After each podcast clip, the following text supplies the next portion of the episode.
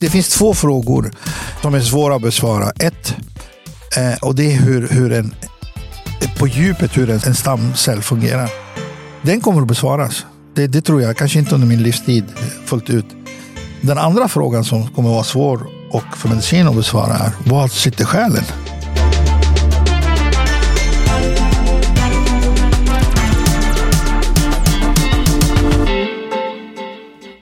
Vill ni stödja vår podcast så glöm inte att gilla, kommentera och prenumerera på Brottabröder Podcast. Då kan vi fortsätta göra det vi älskar och ge er det absolut bästa materialet och de bästa gästerna.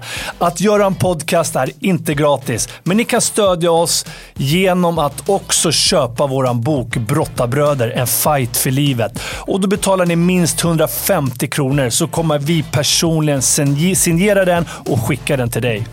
Ja, och swishnumret hittar ni i avsnittsbeskrivningen här nere. Eller på eh, Brottabröds Instagram. Glöm bara inte att skriva med er adress så vi vet var vi ska skicka boken. Så alla Swish-bidrag är jättevälkommen för att vi ska kunna växa med podden. Och swishar ni 150 kronor eller mer så skickar vi med en bok. Nu har turen kommit till ännu en expert i Brottabröders studio. Vi har bjudit hit en fascinerande person. Trots en tuff uppväxt där varken hemmamiljön eller grundskolan gav några förutsättningar för att senare i livet kunna examinera sig inom ett högutbildat yrke, så trotsade dagens gäst sitt eget öde. Han tog inte bara läkarexamen, utan vidareutbildade sig till specialist i ortopedi och bioortopedi. Men inte heller här nöjde han sig. Nej, dagens gäst har med stor nyfikenhet, ihärdighet och konstant forskning fortsatt att förkovra sig och anses idag av många vara en av Europas största experter på ortobiologiska behandlingar samt hormonhälsa. Han hjälper allt från välkända idrottsmän och idrottskvinnor till människor som kanske på grund av ett långvarigt monotont arbete slitit ut leder, ligament eller senor Hans specialområden är verkligen högaktuella och har redan förändrat sättet man behandlar skador, vissa sjukdomar samt långvarig smärta på. Kanske har ni hört talas om PRP-injektioner, stamcells, stamcellsbehandlingar och artroskopisk kirurgi. Idag driver han sin egen klinik i Stockholm och det ska bli otroligt intressant att prata med dagens gäst om allt från testosterontappet som sker för oss män och vad det gör med vår hälsa till vad både kvinnor och män kan göra för att minska långvarig fysisk och eller psykisk lidande. Låt mig nu varmt välkomna en överläkare med ett enormt kunnande som verkligen bryr sig om sina patienter. Hjärtligt välkommen The one and only Dr. George Fern! Vilken ära! Det är hedrande. Tack så mycket grabbar. Underbart George. Tänk att vi fick hit det. Vi har försökt länge, men äntligen lyckades vi. Ja, jag är så hedrad att få, få möjligheten att komma hit och prata om det ämnet som, eh, som är mig väldigt kär och som jag har i händerna hela dagarna. Uh, tack för det. Ja, det ska bli otroligt intressant och det här är verkligen ämnen som är på tapeten och vi får ofta frågan och eh, jag som jobbar i hälsokostbranschen också. Det är många som är inne på det här med hur kan man eh, förbättra sin hälsa när man kommer upp till åren, långvarig smärta och alla de här behandlingsformerna som har kommit starkt och förändrat hela medicinen mm. egentligen senaste åren. Mm.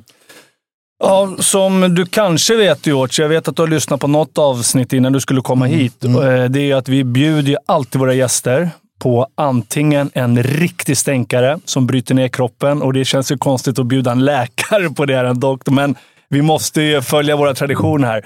Eller så bjuder vi på en grön drink från One Fits All.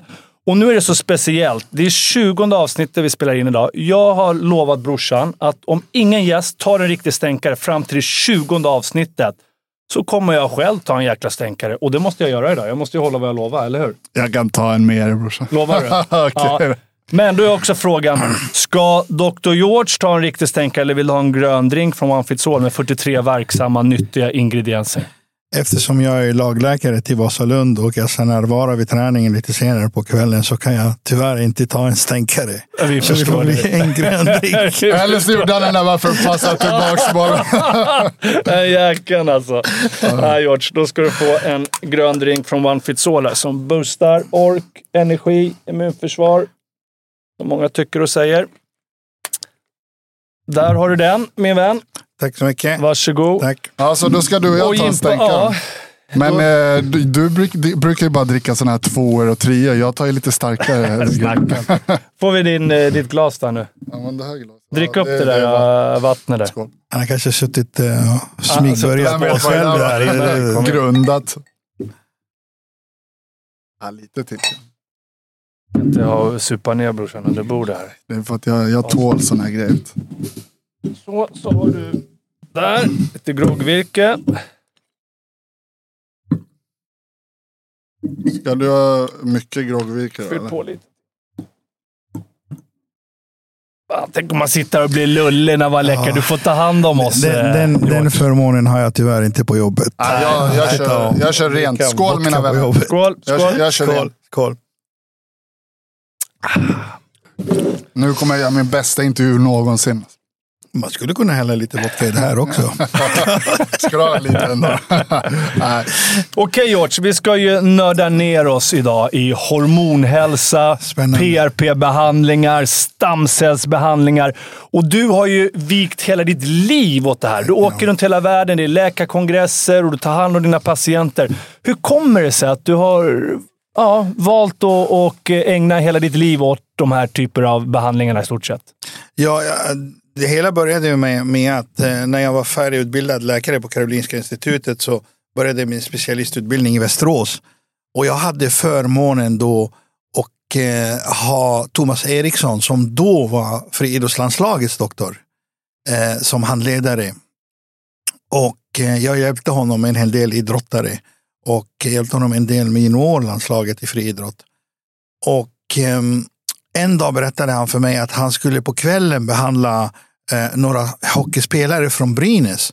Och han hade flygit en centrifug som kunde isolera olika komponenter av blodet som han skulle behandla deras ljumskar med. Och du vet, eh, jag menar, jag hade ju ägnat två, tre år av min specialistutbildning att lära mig skära och sy och greja. Och, och att det skulle finnas några celler som man ska spruta in som ska göra någonting. Ja, det fanns inte i min, i min värld alltså. Jag var så fascinerad över det där. Att, att um, i, dagen efter så behandlade vi min, min, min sambo som, som då spelade i landslaget i, i, basket, Cecilia Färm. Eh, hon hade väldigt inflammerade hälsenor och kunde knappt spela och var väldigt plågad. Och, och vi behandlade henne med PRP. Det var första gången jag kom i kontakt med det. Och hon blev så bra det, det, tog över all, hela min tankevärld. Jag kunde inte tänka på något annat. Jag, Det var som en helt ny värld Ja, öppnade sig för du, dig. du vet, jag fick ju helt plötsligt ett verktyg som jag inte hade. Det enda jag hade är ju fysioterapi med all respekt för det. Kniven åt andra hållet, men inget annat. Medicinering då? Och med, ja, och med de medicinering. Mm. Och eh, efter det så har jag bara eh, förkorvat mig mer och mer och jag har snurrat runt halva jordklotet i princip till de flesta kända och kliniker som, som, som ägnar sig åt PRP-behandling och, och eh, på så sätt eh, fått del, delaktig i en värld som jag inte ens fanns här. Eh, För att hitta en liten timeline här, eh, George. Jag och Martin avslutade ju våra idrottskarriärer. Martin 2007 Sju. och jag 2013. Eh, vi träffade ju på dig, tyvärr kanske man ska säga, efter våra karriärer. För vi hade ju ofta eh, långvarig smärta, ont och olika skador och sådär. Men när eh, är vi ungefär då, i tidsspannet när det här, bör, den här typen av behandlingar börjar introduceras och börjar komma fram? I Sverige skulle jag säga PRP-mässigt eh, eh, när det gäller ombehandling 2010-2011. Just det. Då, då började man eh, göra det på lite, lite mer. Och, och faktiskt jag eh, har alltid varit den som har gjort flest av alla. Idag har jag en track record på 18 000 behandlingar. Mer än någon levande doktor som eh, vi kan överhuvudtaget eh, Förklara för lyssnarna från, om vi börjar med PRP. Hur, vad är PRP? Hur går en behandling till? Det är faktiskt eh, väldigt enkelt och väldigt logiskt. I vår blodbana så snurrar det runt små celler som kallas blodplättar. Dessa blodplättar är de som anländer först när vi skadar oss, skär oss. Och de klibbar ihop sig och det blir som, som en propp för att förhindra blödning. Mm. När de väl har gjort den arbetsuppgiften så öppnar de vissa blåsor de har som innehåller anabola steroider i princip, tillväxtfaktorer för alla möjliga delar av läkningskaskaden. Och de släpper ifrån sig det, de släpper en jättedusch så startar signaleringen för läkning och reparationsarbete. Och det är det en, en tandläkare, en svensk tandläkare upptäckte när han höll på att transplantera ben från höften till käken. Att de patienterna som blödde väldigt mycket läkte mycket bättre under operationen. Och då kopplade han, det måste vara något i blodet som gör att, att, att, de, att de får bättre fäste. Och så småningom, efter mycket om, så, så förstod man att det var blodplättarna och de här alfavesiklerna som de har, som innehåller alla de här eh, tillväxtfaktorerna som var orsaken. Och så vad vi gör är, vi tar en mängd blod från patienten, så använder vi centrifugalkraften, en centrifug, för att kunna skilja dem åt från eh, vita blodkroppar och röda blodkroppar. Och det är så pass enkelt som centrifugalkraften är att de lättaste celler hamnar längst upp och de tyngsta, vilka röda blodkroppar längst ner. Så tar man det övre lagret och då, som innehåller eh, trombocyter och det är det man sprutar in i vävnaden. Som Varför är, är man inte intresserad av de röda? Varför just bara den? För de innehåller inga tillväxtfaktorer. Okej. Så man- I, I vissa avseenden är man intresserad av vita blodkroppar. Till exempel vid brännskador och infektioner och, och sådana såna sårbehandlingar. Men inte för rena idrottsskador som leder och senor och muskler. Och så. Så man utnyttjar alltså kroppens egna läkningsprocesser för att läka skador och sjukdomar. Exakt. Och det gör kroppen varje dag ändå. Ja, Men inte när skadan blir för, för stor för kroppen. Då klarar den inte det längre. Och vilka skador är det här effektivt mot? Ja, den största forskningsmängden som finns handlar faktiskt om artros i knäna. Där är idag bevisläget 1A. I medicin är det det högsta värdet du kan få på någon forskning. Alltså det är så sant det kan vara överhuvudtaget. Eh, bevisvärdet 1A är det högsta som finns i medicin. Och när det gäller artros grad 1 till grad 2 så, så är det 1A bevisläge. Och det funkar bra men inte lika spektakulärt för högre artrosgrader. Eh, det funkar för axlar, för knä, för fötter, eh, för tummar. Eh. Så man kan säga att ett helt nytt verktyg kom in i din verktygslåda. Så när du får in en Exakt. patient, du gör en bedömning beroende på då vad den har sökt för, vilken smärta. Och sen när du har lokaliserat vad problemet är så finns det istället för att bara ge tabletter, medicinering eller, ge, eller kirurgi så har du eh, PRP-behandlingen och vi ska komma in på stamceller sen också som är väl ännu mer avancerat. Men just då har du det verktyget också. Och man tar Exakt. alltså blod från eh, armvecket. Just det. Ja, och sen sätter in det i en apparat. En Centrifugerar, ja. Och sen sprutar man in det i det drabbade området. det. Och det gör man eh, med hjälp av ultraljud, exakt där saken ska verka. Eh, Så att inte man får spill, spill över, för då hjälper det inte. Men det finns ju protokoll för alla de här olika strukturerna som man ska behandla. Och exakt hur stor mängd och när man ska spruta det. Hur långt emellan eh, sprutorna ska det vara. Det skiljer sig rätt mycket. Det är från olika... mycket fingertoppskänsla där och Enormt. kunskap och Enormt. erfarenhet. Likadant är det med samma fingertoppskänsla när jag opererar. Mm. Ja, och hur man väljer de patienterna och när man ska göra vad med dem. Och... Men George, vi har ju ungefär, du nämnde artros, vi har ungefär en miljon svenskar som har artros idag och det är säkert många som lyssnar på det här avsnittet nu med dig. Eh, vad kan man förvänta sig när man får den här typen av behandling? Om vi börjar med, med PRP, då, när det kommer till smärta och rörlighet, om man har artros kanske i höfter, knän eller andra leder. som, som, som jag började med att berätta att, att eh, när det gäller graden, första och andra graden av artros, till exempel i knän, så är resultaten fenomenala. Alltså de, det är nästan gränsfall spektakulärt bra. De patienterna har ju för sig inte helt tappat muskulatur och rörlighet och blivit stela och sådär. Den typen av stora problem ökar ju med artrosgraden. Eh, låt oss säga att vi har någon i 50 års ålder, spelat hockey, han har artros grad 2, artroskoperat på 80-talet av dåtidens fluga. eh, två, tre gånger, eh, har ingen menisk, får artros när han är 50, kan inte spela padel med sina kompisar. Men han är för, jätteduktig på att träna, han har muskler i låret, han är rörlig och sådär. Men han har ont. Sprutar du PRP en sån där kille, ja då blir han nästan på nytt född. Jag menar, är han krokig i knät så kommer han fortfarande vara krokig i knät. Men han har inte ont när han spelar padel och han kan ta sig någon löprunda. Och, Sådana känner man ju många gamla idrottare. jag har haft har bra många sådana där. Ja. Och den andra, andra delen har du Asta som är 80. Hon har hjärtsvikt, diabetes, artros grad 4, kan inte gå. Hennes stora önskan i livet att ta sig promenad med sin lilla jycke, gå till Coop, köpa sin, eh, sin mjölk och komma tillbaka hem utan att behöva ligga i sängen i två till tre dagar efteråt. Sprutar du plasma i henne så blir hon också jättebra. Hon slipper den verken, hon blir så pass stryktålig att hon kan göra det. Asta kan man inte operera till exempel. Är du med? Mm. Och det finns ju inte annat att göra med henne. Mm. Så hon blir ju lika tacksam som eh, Klas, eh, den före detta topphockeyspelaren. För ja, hennes frihet, eh, är det är det hon definierar med att ta sin promenad med hunden och gå till Ja, men hon, blir inte, hon kommer inte kunna springa maraton. Men vad, Men är det, då- måste det alltså vara viktigare ju tidigare man kommer, i tidigt skede, när artrosen har börjat, innan det börjar skena och bli för svår.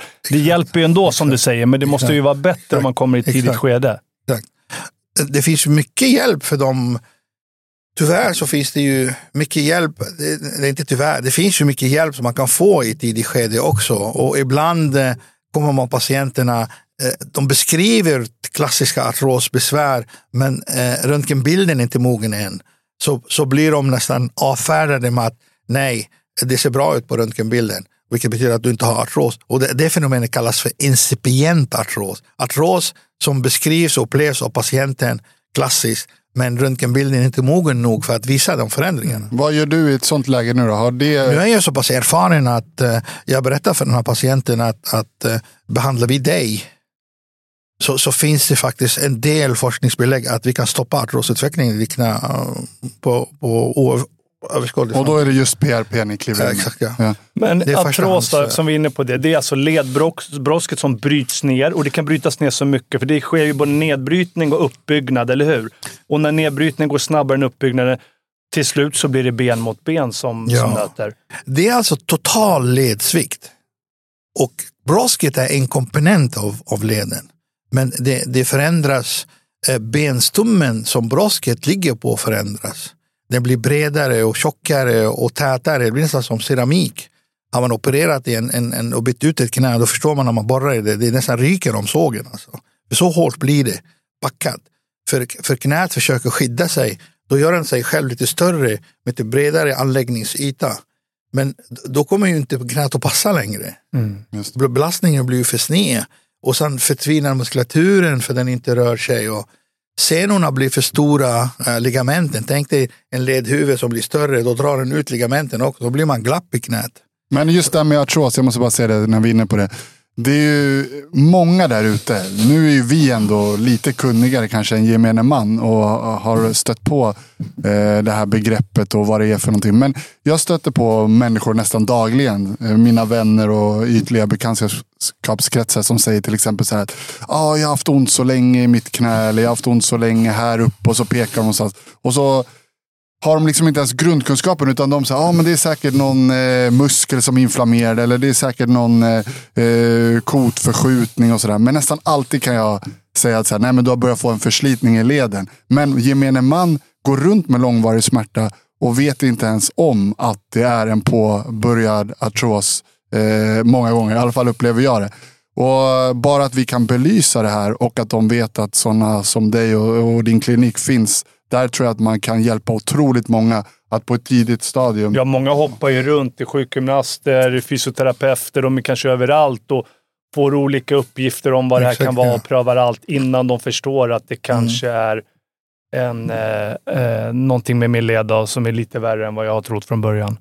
Artros exempelvis. Men då. hjälper PRP en behandling även mot muskelrelaterade skador? Har kroppen samma läkningsprocess? Eftersom jag tänker att PRP, du, som du sa, man tar ut blodplasman och skjuter in.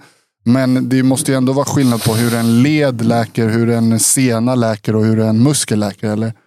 Jag skulle nog påstå att de har nästan ingenting gemensamt. Mm. En muskel läker på ett helt annat sätt än en sena. Eh, och en led läker ju helt annorlunda en led kan man jämföra med, med en akvarium. Alltså, eh, där brosket är guldfisken. Eh, ska, ska, ska fisken simma då måste man ha frisk eh, ledvätska, slemhinnan ska vara frisk, eh, det ska finnas näringsämnen, eh, belastningen ska vara jämn och, så att, att leden kan andas. Va? Eh, har inte du det, då, då blir vattnet skitigt i, i då massa inflammatoriska celler som, som, som fyller leden och ledytan blir ojämn. Det ökar ju värmeutvecklingen i knät, det orsakar inflammation, inflammation bryter ner mera och så håller det på så här tills, tills leden helt eh, kollapsar så småningom. Men George, hur kommer det sig att så många människor får artros idag? Det är ju helt sjukt. En miljon svenskar. Kära vän, du skulle få Nobelpris imorgon och varje dag, hela veckan om du visste. Men vad tror man? Det måste ju ändå diskuteras Jo, mycket. Det har funnits, det, har funnits det, har, det finns ju en teori om, om att man har vissa familjer överrepresenterade. Nu pratar jag om primärartros, inte de som drabbar idrottare efter att de har opererat. Nej. Eh, det- där finns teorier om, om, om, om vikt och vinkel och hur, hur leder är skapta och att det finns optimal vinkel och mindre optimal vinkel. Ett tag var man inne på vissa yrkeskategorier. Eh, jag tror på 60-70-talet var ju väldigt mycket, många bönder drabbade av knäartros och man trodde att det har något med yrket att göra eller något liknande. De- de- Urinsyra då, hur är det med det? det har väl... Ja, ja, det, jag menar, det finns ju massa människor som får artros på grund av att de har reumatiska grejer som, som, eh, som gikt och reumatism och gud vet vad. Eh, De bryter ner ledytan. Va? Men gemensamt, en faktor har vi inte hittat faktiskt. Men, men, men artros generellt klassas ju till reumatiska sjukdomar. Just så, men den är inte lika aggressiv som... Men eh, Martin, en enkel eh, förklaring där. Var det inte någon som gav oss det så sa han så här att men vad fan, tänk dig en bil som har alla sina komponenter med stötfångare och allting. Och så tänker du att du kör på de buckligaste jäkla vägarna i 280 varje dag. Den håller inte hur länge som helst. Och vi gamla idrottsmän, vi har ju kört liksom i, i stenhårt och på väldigt liksom, gått på max under några år. Så det är bara att börja byta ut delarna.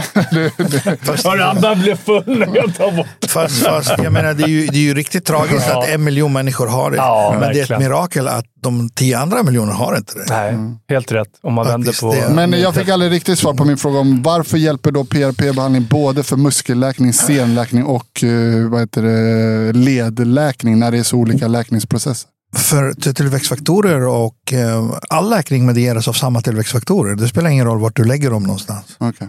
De fungerar, de tar olika lång tid och de går olika fort.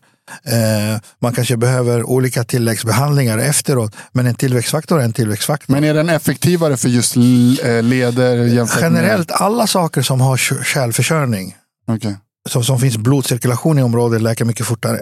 Och det är muskler? Och det är muskler. Eh, senor har ingen kärlförsörjning. Mm. Jättetröga att behandla överhuvudtaget. Det kräver enorm fingertoppskänsla. Eh, att, att, att handskas med, med, eh, eh, med, med senor. Leder, sen, sen tar de enormt mycket isolerad belastning, senor. Så man måste vara försiktig med dem. Om man får komma in på ett ämne som kan vara lite kontroversiellt. När man kombinerar de här behandlingsmetoderna som PRP och stamcellsbehandling till exempel med hormonbehandling. I vissa kliniker i USA så vet jag att till exempel, jag bara tar ett scenario här nu, att den här personen, 50 år som du sa, har en försliten eh, sena eller, och du behandlar den med eh, PRP och det läker just komponenten skadan eller det hjälper till att läka. Men sen har du muskulaturen runt om som stöttar upp. Och där stöttar de upp med en viss form av hormonbehandling antar jag då. Som kanske till exempel testosteron eller för att göra muskelvävnaden starkare. Tillväxthormoner. Ja, är inte det eh, många kliniker som har börjat utveckla lite av det här tänket som jag är inne på? Många, jag tror det finns eh, av de kollegor jag träffar utomlands så, så många kan, kan eh, lova heligt eh, av deras kliniska erfarenhet med att behandla patienter pre, pre, pre PRP eller pre-samcellsbeha- optimera dem med att eh, återställa deras optimala testosteronnivå. En del kan få eh, tillväxthormon i form av genotropin innan, speciellt om det är en stor operation de ska göra. Eh, och, men det finns ju inte något det är ett jättesvårt studerat område forskningsmässigt att sitta och randomisera folk den ena eller andra armen av studien och så kolla om vilken som blir bättre. eh, skulle nog oetiskt godkännas överhuvudtaget. Men, men, men klinisk känsla för att det hjälper är väldigt, väldigt, väldigt etablerat. Det är så att, att, att det hjälper väldigt mycket. Men då har olika länder olika lagstiftning, eller, så, eller EU har en lagstiftning antar jag då? Eller? Exakt. Eh, eh, när det gäller tilläggsbehandling, eh, jag menar det finns ju fortfarande i, även inom cancervården och att man kan ge patienter eh, läkemedel för att bygga upp dem igen efter tuffa, tuffa cancerbehandlingar med strålning och cytostatika där nästan patienten vaggas till dödens rand innan man tar tillbaka honom. Eh, och eh, i, eh, jag menar, I vissa länder så är det väldigt vanligt förekommande att de får någon form av anabola steroider för att kunna äta upp sig igen. Och, Jag tror det är viktigt att våga prata om det, för var går någonstans gränsen? Att till exempel, ska man gå runt med långvarig smärta när det kanske finns ett behandlingsalternativ som skulle kunna eh, långsiktigt förebygga att det här återkommer?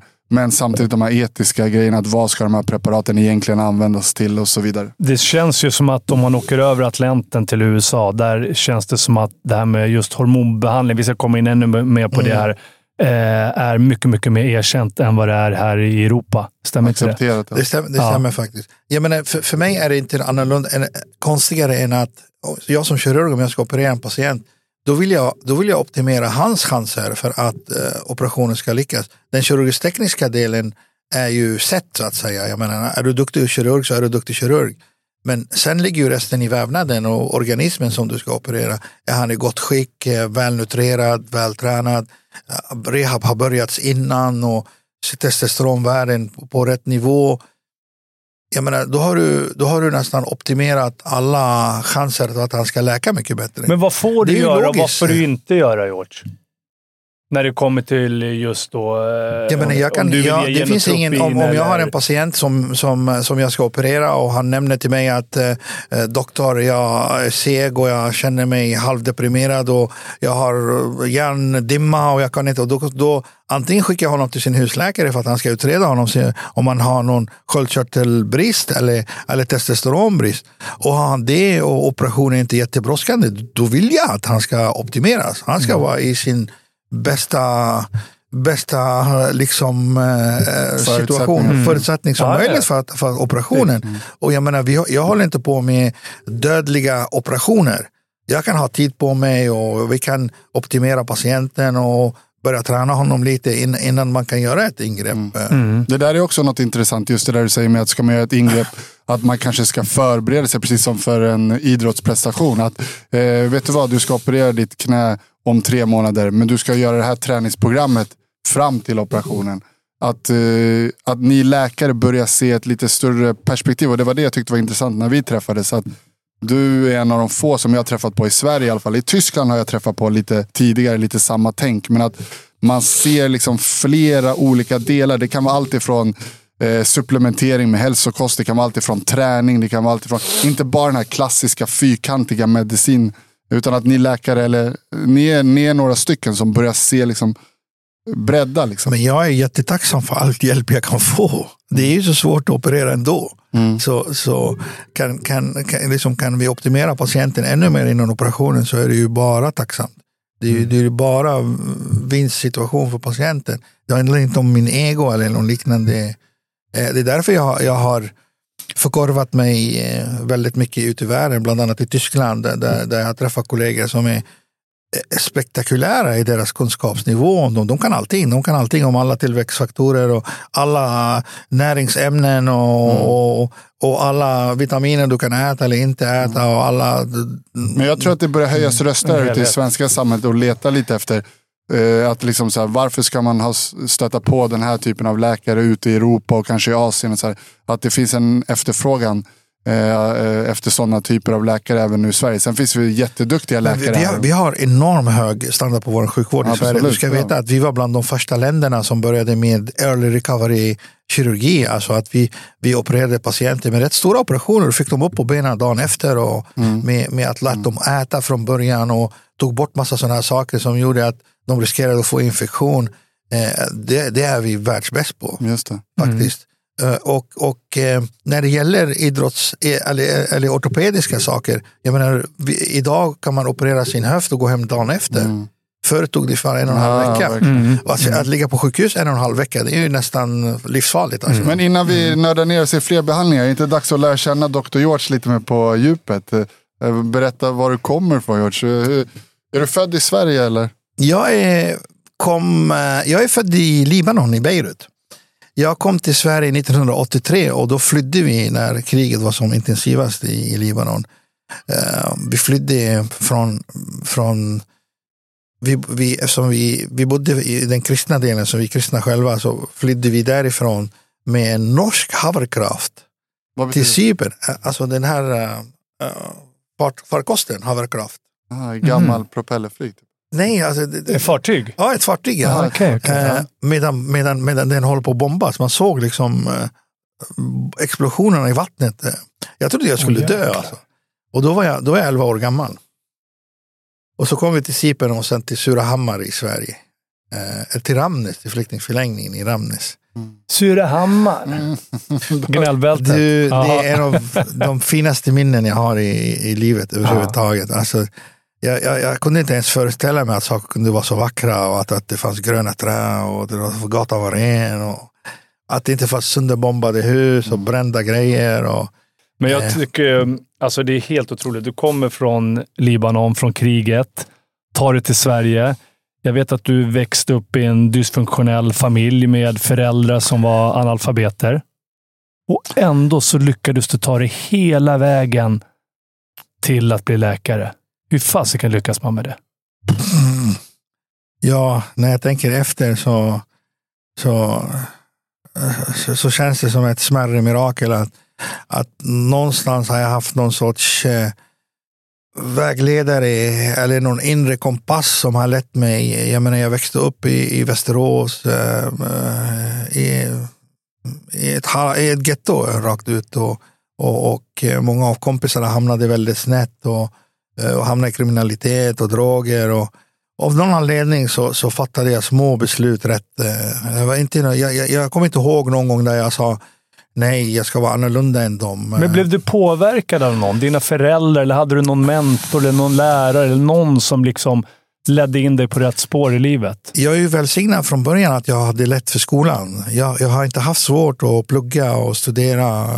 Jag har ju fått några extra hjärnceller som jag är jävligt tacksam över faktiskt. Utan stamcellsbehandling. Det var de, hjärtceller som vi brottades bort. Va? När vi var i Västerås på läger alltid. Eh, och sen, eh, sen eh, hade jag tur och, och när jag var i Västerås och, och eftersom jag går på en fin skola, Republikanska skolan i Västerås. Och där, där blev man exponerad för många fina svenska familjer och jag blev kompis med några av dem och de hade föräldrar som är doktorer och ingenjörer och ABB-chefen och som jag fortfarande är kompis med hans son. Och, blev du inspirerad av de här Ja, människorna? det är klart jag blev. Jag, jag blev det eftersom, du vet när du sitter själv inne i, inne i, inne i gettot och helvetet, då tror du att det är fan normalt. Att, att så här har alla det. Ja, det är hela sin värld. Ja, ja. Ja, det är ju inte det. Det, det, är, inte, det är inte någons värld. Alltså förstår du? Men vad var det som gjorde att just du kunde snegla åt det här hållet och säga att ja, men, det finns en väg ut genom att utbilda mig och verkligen så här, alltså, satsa på ett sånt avancerat yrke och liksom bli läkare. Kontra att många sneglar den snabba vägen mot kanske någonting eh, jag var annat. jätteidrottsintresserad från början. Ja. Och jag menar, eh, det, det var lika mycket att jag förstod att mm, jag kommer inte bli världscyklist. Jag hade inte de lungorna som de andra killarna i klubben hade. Så, så, eh, så jag, jag var ju jätteintresserad av rörelse och träning och även när jag var mycket yngre. Så det var bara en naturlig steg att jag skulle läsa. Jag, menar, jag kunde inte föreställa mig att jag ska bli, jag vet inte, ingenjör eller fysiker eller något annat. Eh, Det, det var det mest naturliga jag skulle göra. Eh, Och det blev så till slut.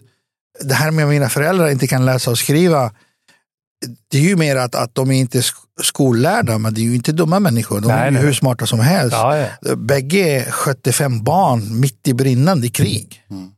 Det är en bedrift som Social heter duga. kompetens, Alltså ja, prova. absolut. Det, det, Och överleva. och överleva. Det, det, jag, är då, jag är så imponerad. Jag är ju trebarnspappa. Mm. Så när jag väl kommer på mig själv klaga lite om att det är jobbigt, då, då tänker jag tillbaka på mina föräldrar. Kom igen nu grabben. Dina Lever föräldrar dina- stod ute i, i, i, brödkön klockan tre på morgonen för att du ska få bröd på morgonen när du vaknar. Verkligen. Eh, Lever dina föräldrar idag? Pappa lever, mamma dog för många år sedan. Mm. Jag är så just- glad att hon hann se mig eh, ta examen eh, som läkare. Ja, det det jag. lycklig hon måste ha varit. Du, hon, hon ja, för henne kunde jag lika gärna ha blivit president eller något liknande. det, det, det var, Men George, då skulle jag vilja... Vi, både jag och Jimmy, vi träffar ju mycket kids och ungdomar eh, på, från utsatta områden. Ibland är vi ute och föreläser och via olika aktiviteter, men också via brottningen så träffade vi väldigt, väldigt många människor som kom och gick, ungdomar och många som hamnade snett i livet.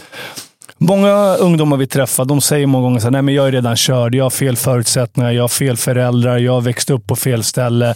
Så man har liksom satt den här stämpeln. Och har man redan bestämt sig för att livet kommer att bli skit, då blir det ofta skit också. Men vad kan du säga? Vilka råd och tips kan du ge till de här människorna? Fasiken, det går. Man kommer från de tuffaste, tuffaste förhållanden som du gjort, men ändå kan bli läkare eller lyckas med i stort sett vad som helst i livet. Vad har du att säga till de här kidsen?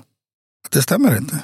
Du kan, du kan bli vad du vill. Kan du drömma dig som eh, John F Kennedy sa det, så kan du bli det. Det, det, det, det, kommer från en inre övertygelse om att, att, att mitt öde är inte förutbestämt. Det är ju inte det. Eh, sen vill, måste man vilja det själv. Man måste vilja, lite mod måste man ha.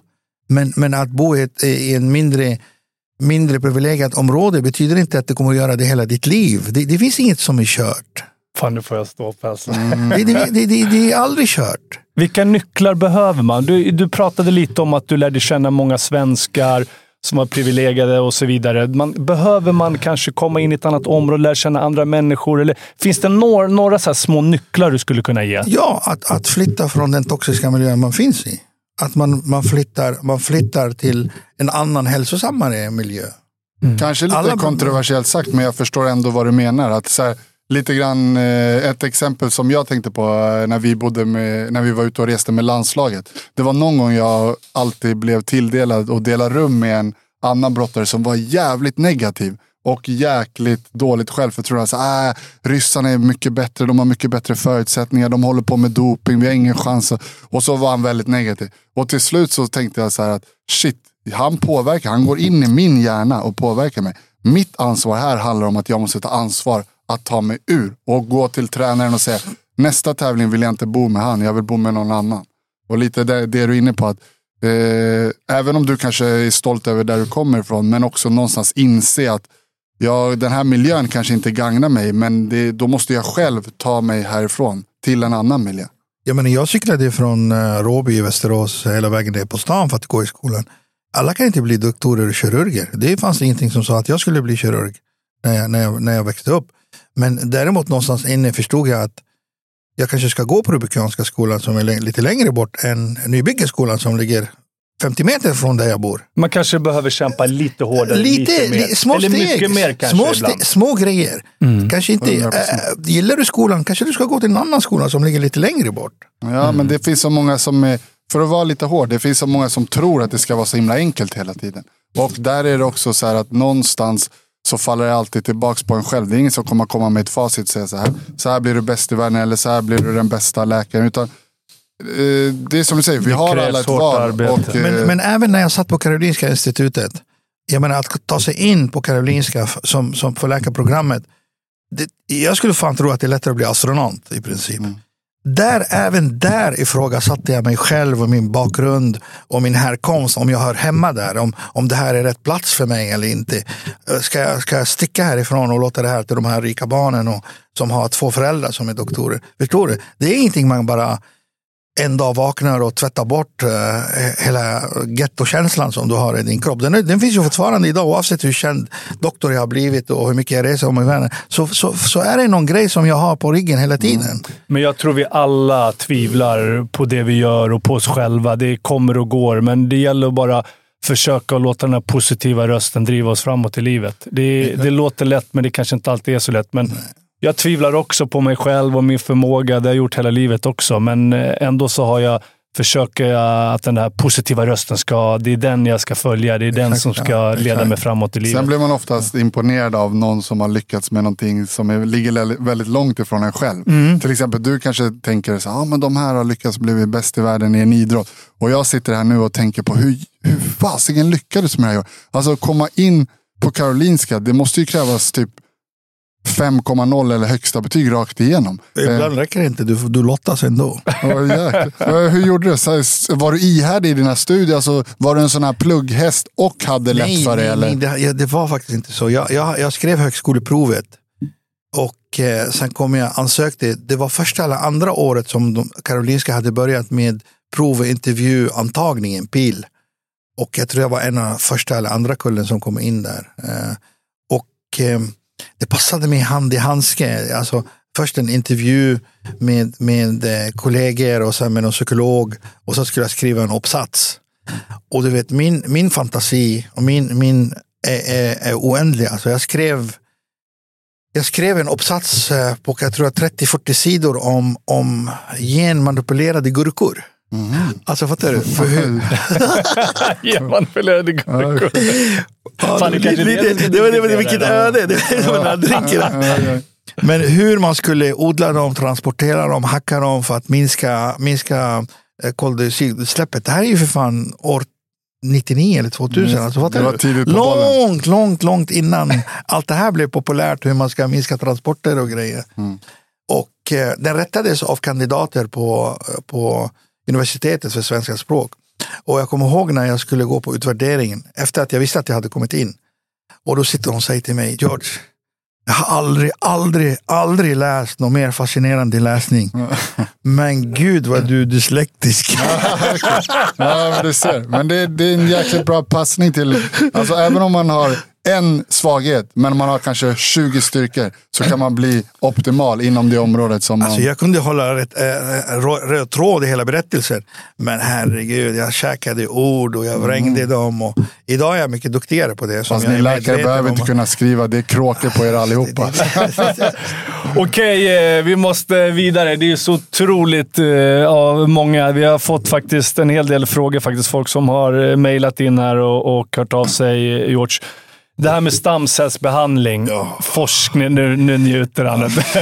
alltså, det är ju otroligt intressant och forskningen den eh, skenar ju nästan nu när det kommer till stamcellsbehandling. Och man tror att i framtiden kommer man kunna bota en rad olika sjukdomar. Kanske cancer, artros har vi varit inne på eh, och andra typer av besvär. Berätta lite om stamcellsbehandling. Vad är det för någonting och när använder man som bäst stamcellsbehandling? Jag, jag, kan, jag kan i alla fall börja med att berätta att, att i alla fall de senaste kanske tio Nobelpris har haft någonting i den riktningen att göra. Det är en klar signal från, från, eh, från eh, akademin eh, på Karolinska att det är det man vill premiera, det är det som är framtiden. Va? Nu är det ju knappt någon som får någon Nobelpris för någon tablett eller något liknande. Eh, när det gäller stamceller, stamceller är, är en stamcell är en grundcell som kan omvandlas till olika typer av celler. De celler som jag handskas med är ju, kallas för mesenkimala stamceller. De kan bli ben, fett, eh, muskler och brosk eh, och så vidare. Så det finns en annan linje av stamceller som kan bli röda blodkroppar och vita blodkroppar. Och, och eh, Eh, forskningen om, om stamceller eh, är, är ju inte ny. Redan när jag läste medicin så fanns det en väldigt eh, duktig forskare i, i, på Karolinska som man trodde att han skulle få Nobelpris när han, när han kunde bevisa att det fanns eh, stamceller i vuxna celler. Vilket man inte trodde att det gjorde förut. Eh, och det vet vi idag och det är de jag använder i min behandling också. Eh, det pågår enormt race kring stamceller. Och den kommer bara accelereras mer nu när man använder AI för att göra vissa analyser. Alltså den kommer öka hastigheten på informationutvinningen enormt mycket. Så forskare och läkare kan samarbeta över hela Just- världen. Och man kan... Där är ett problem faktiskt. Att grundforskare, de som grundforskar om eh, eh, stamceller, har inte lika nära till kliniker som mig. Folk som applicera de här behandlingarna. Eh, det har blivit mycket mer medvetet om att skydda patent, skydda fynd. Eh, för, för, för, potentiellt kan det bli, generera triljoner med pengar. Så, för det här borde man ju mata in information i AI-genererade datorer, tänker jag, så att alla kommer åt det. Framförallt läkare man, som man du. Borde, man borde, FN borde deklarera att stamceller, stamcellsforskning, all kunskap som kommer ur det tillhör mänskligheten och aldrig kan patenteras. Det bör man göra först och främst. Mm, mm. Så att inte, för, för nu är det ju många som skyddar det de kan och de vill inte dela med sig det. Och, men låt oss dissekera det lite då. Jag har ju lite grundkunskap. Eh, mm. Alltså jag ändå förstår lite grann. Men det kanske är många som lyssnar som bara hört begreppet men inte har kommit längre än så. Eh, Okej, okay, så stamceller. Man kan plocka ut stamceller ur olika vävnader. Och ni plockar ur, eh, ur fettvävnad om jag har förstått det rätt va? Så att i princip det man gör i steg ett är att man gör någon form av fettsugning eh, oftast då. Eller ma magparti eller... Exakt. Ja. Och, så man slår två flugor i en smäll. Man kör fettsugning, klar med fett. När det gäller stamceller och stamcellsbehandlingar, mm. de är reglerade väldigt noggrant i Europa och i, i de flesta av västvärlden. Ett, du får inte isolera en stamcell. Alltså du får inte kemiskt bryta ner miljön den bor i och spruta den som isolerad stamcell. Du får spruta in hela nischen, alltså hela skogen den bor i. Men du får inte isolera den. Du får inte mata den. Du får inte värma upp den. Du får inte duplicera den. Du får inte, tar du ut den så ska, den, så ska ursprunget bli det du är ute efter. Alltså, det ska vara en masinkimal stamcell för att bli brosk. Du kan inte ta en, en cell, embryonal stamcell från foster och spruta in det i knät. Det är fullständigt förbjudet i Europa. Men det sker i vissa delar av världen, men det kan vi komma in på sen. Det, det kan vi komma in på sen. Eh, och det ska vara same day procedure. Du ska ta ut det och spruta in det samtidigt.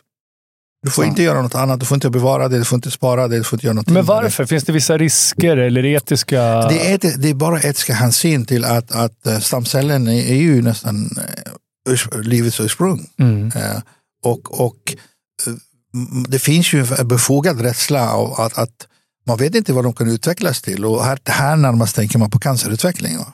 Men finns det också en rädsla, om vi ska ärliga, från läkemedelsbolagen att det här ska slå ut traditionell medicinering som de sitter och tjänar otroliga mängder pengar på?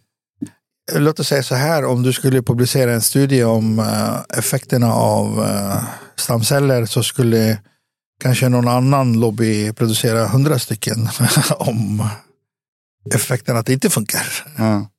Men det är ju bara en cell, det är ingen levande organism. Jag tänker på, det är ungefär som att eh, du har en eh, sädesuttömning. Det är ju i sådana fall eh, lika illa det känns det som. Om inte men, mer. Men, men eh, deras förmågor är, är det, den förmågan de har för att eh, göra om sig och, och bilda ben och brosk är, är mindboggling. Alltså det, det, det finns ju det finns faktiskt timelapse-filmer på salamandrar som kan regenerera hela sin arm på Youtube och det kan ju alla lyssnare gå och titta på. De blev av med armen och så växer ah, de ut igen. Det, ja. det, tänk, dig, tänk dig, vi pratade om det på jobbet idag med en av mina medarbetare om, om varför har Gud valt att ge det till salamandern? Var, var, var, varför har han den förmågan? Var, varför, skulle, varför, mm. varför kunde inte vi få det? Så han kan alltså aktivera den processen på egen väg? Ja. Det som ja. du som läkare kan? Och vill, alltså ja. när han vill. När, mm. när det behövs så kan han göra det. Men hur, jag vill ändå förstå. Lite, lite, lite kan, kan förskolebarn göra det.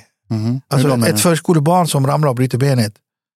God damn it, han läker, ja, han läker så fort. Vet du. Det, det, är nästan, mm. det är nästan spektakulärt.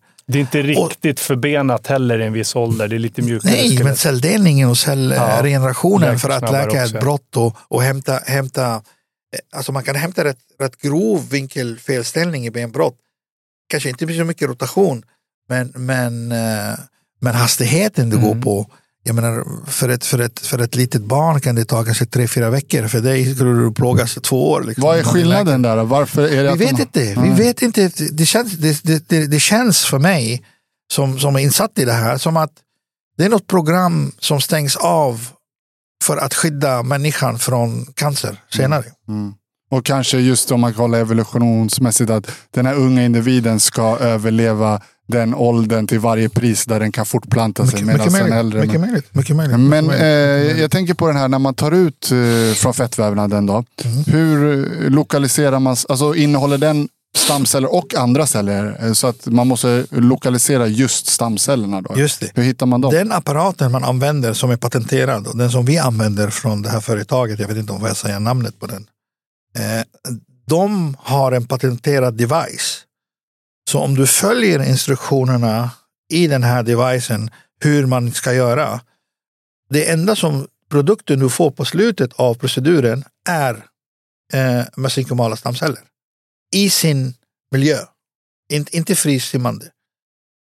Och det är den, den miljön med dem i som man sprutar in. Och den är som, Rakt in i skadan eller det drabbade skada, området. exakt med eller- ultraljud, precis som vi gör med PRP. Och, och det är också i form av, alltså det är en, slutprodukten är någon form av vätska då. ja, det, det ser ut nästan som, som välling. Ja. slut, Mm. Spännande. Faktiskt. Och vilk, vid vilka...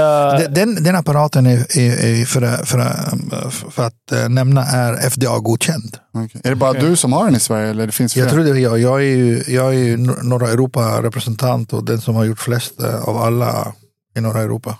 Mm. Otroligt spännande. Mm. Eh, Men eh, vilka behandlingar och, och vil- vilka typer av sjukdomar är det här väldigt effektivt redan nu? Sen tror, händer det ju mycket på området som vi pratar om. Men, men eh, om jag kommer till dig som patient, vilka typer av problem, problem eller verk och så vidare skulle du rekommendera eller skulle du använda dig av stamcellsbehandling? Utslutande är, kolle- är patienter som inte kan opereras som mina kollegor. Sådana som är för sjuka för andra grejer. De kan inte tåla en operation. En stor eh, höftbyte eller knäbyte. Den, möjligheten finns inte. De har för dåliga lungor. De har för mycket eh, diabetes. Eh, you name it. De, har, de kan inte. De, eh, de har utslutits eller bedömts som inte kandidater för den här typen av kirurgi. De först och främst passar perfekt för det här. Eh, Den Så andra- bara de som är så pass sjuka eller dåliga, eller kan även en... Nej, jag menar det är de Det är första kandidaterna. Det är de som, okej. jag menar, en, en led som är så pass dålig att den behöver bytas. Säger till patienten själv också, du, det här är för dåligt, det, den, är för, den är för uttjänt den här leden. Byt den istället, är du med? Jag menar, även om, om mitt företag är vinstgivande så är jag fortfarande kirurg, jag gör kirurgiska bedömningar. Det enda skillnaden är att jag gör dem en annan valmöjlighet om inte kirurgi är en möjlighet. För förut, ja, jag kan inte, jag inte hjälpa dig, jag har ingenting att göra. Jag, vad ska jag Men göra? om man ställer dem mot varandra, tänk så här, att byta en höftled. Då är det så här, har det gått otroligt långt så höftleden är helt utsliten man har daglig smärta och allting. Då är fortfarande kirurgin överlägsen stamcellsbehandling idag. Är det så jag uppfattar det? Men alla, Va- Varje dag. ja, men alla de nivåerna under så är det tvärtom. Då är stamcellsbehandlingen överlägsen kirurgin på grund av att kirurgin har massa komplikationer, risker. De kommer, inte, de kommer inte på tal för kirurgi heller om de inte är så välutvecklade symptom. För det är rätt stor operation ändå, fortfarande idag. Ja. Så, så om, om, du ska, om du ska prata end stage osteoartritis, alltså end stage artros i knä, höft och sådär, så är guldstandard fortfarande idag eh, protes. Eh, alltså, eh, Höftprotes, knäprotes. Exakt ja. Men i, i, i lägre grader så är det faktiskt ingen, och tyvärr, tyvärr i västvärlden och mest i USA har det skett en diagnosglidning, indikationglidning mot att det har blivit mer och mer i lägre åldrar där patienten inte är i närheten av end stage uh, artros. Va? Där man har erbjudit dem uh, convenient, lätt, uh, du slipper patienten tjat och, och så blir han opererad. Va? För enormt dyra pengar. Och Då har man bränt alla broar och bakåt. Liksom. Och inte skiter sig en sån operation hos en självständig person så är det katastrof. Men princip. finns det några biverkningar?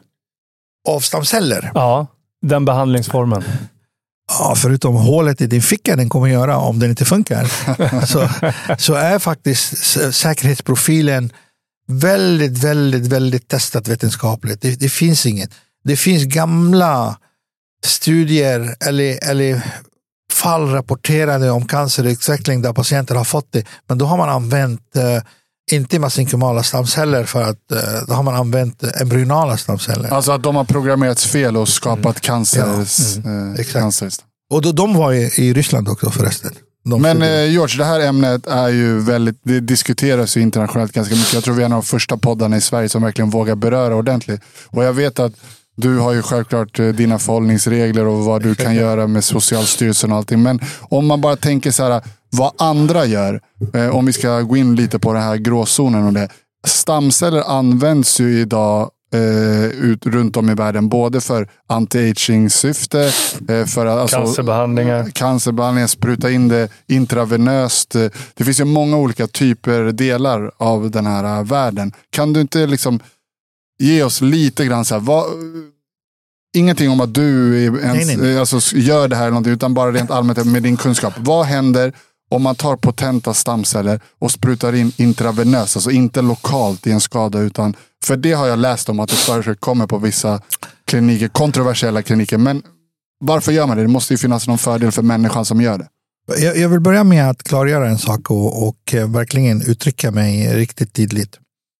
Jag tror framtiden är regeneration. Jag tror framtiden är stamceller. Jag tror inte på någon skruv. Jag tror inte om den är självbackande, självskruvande.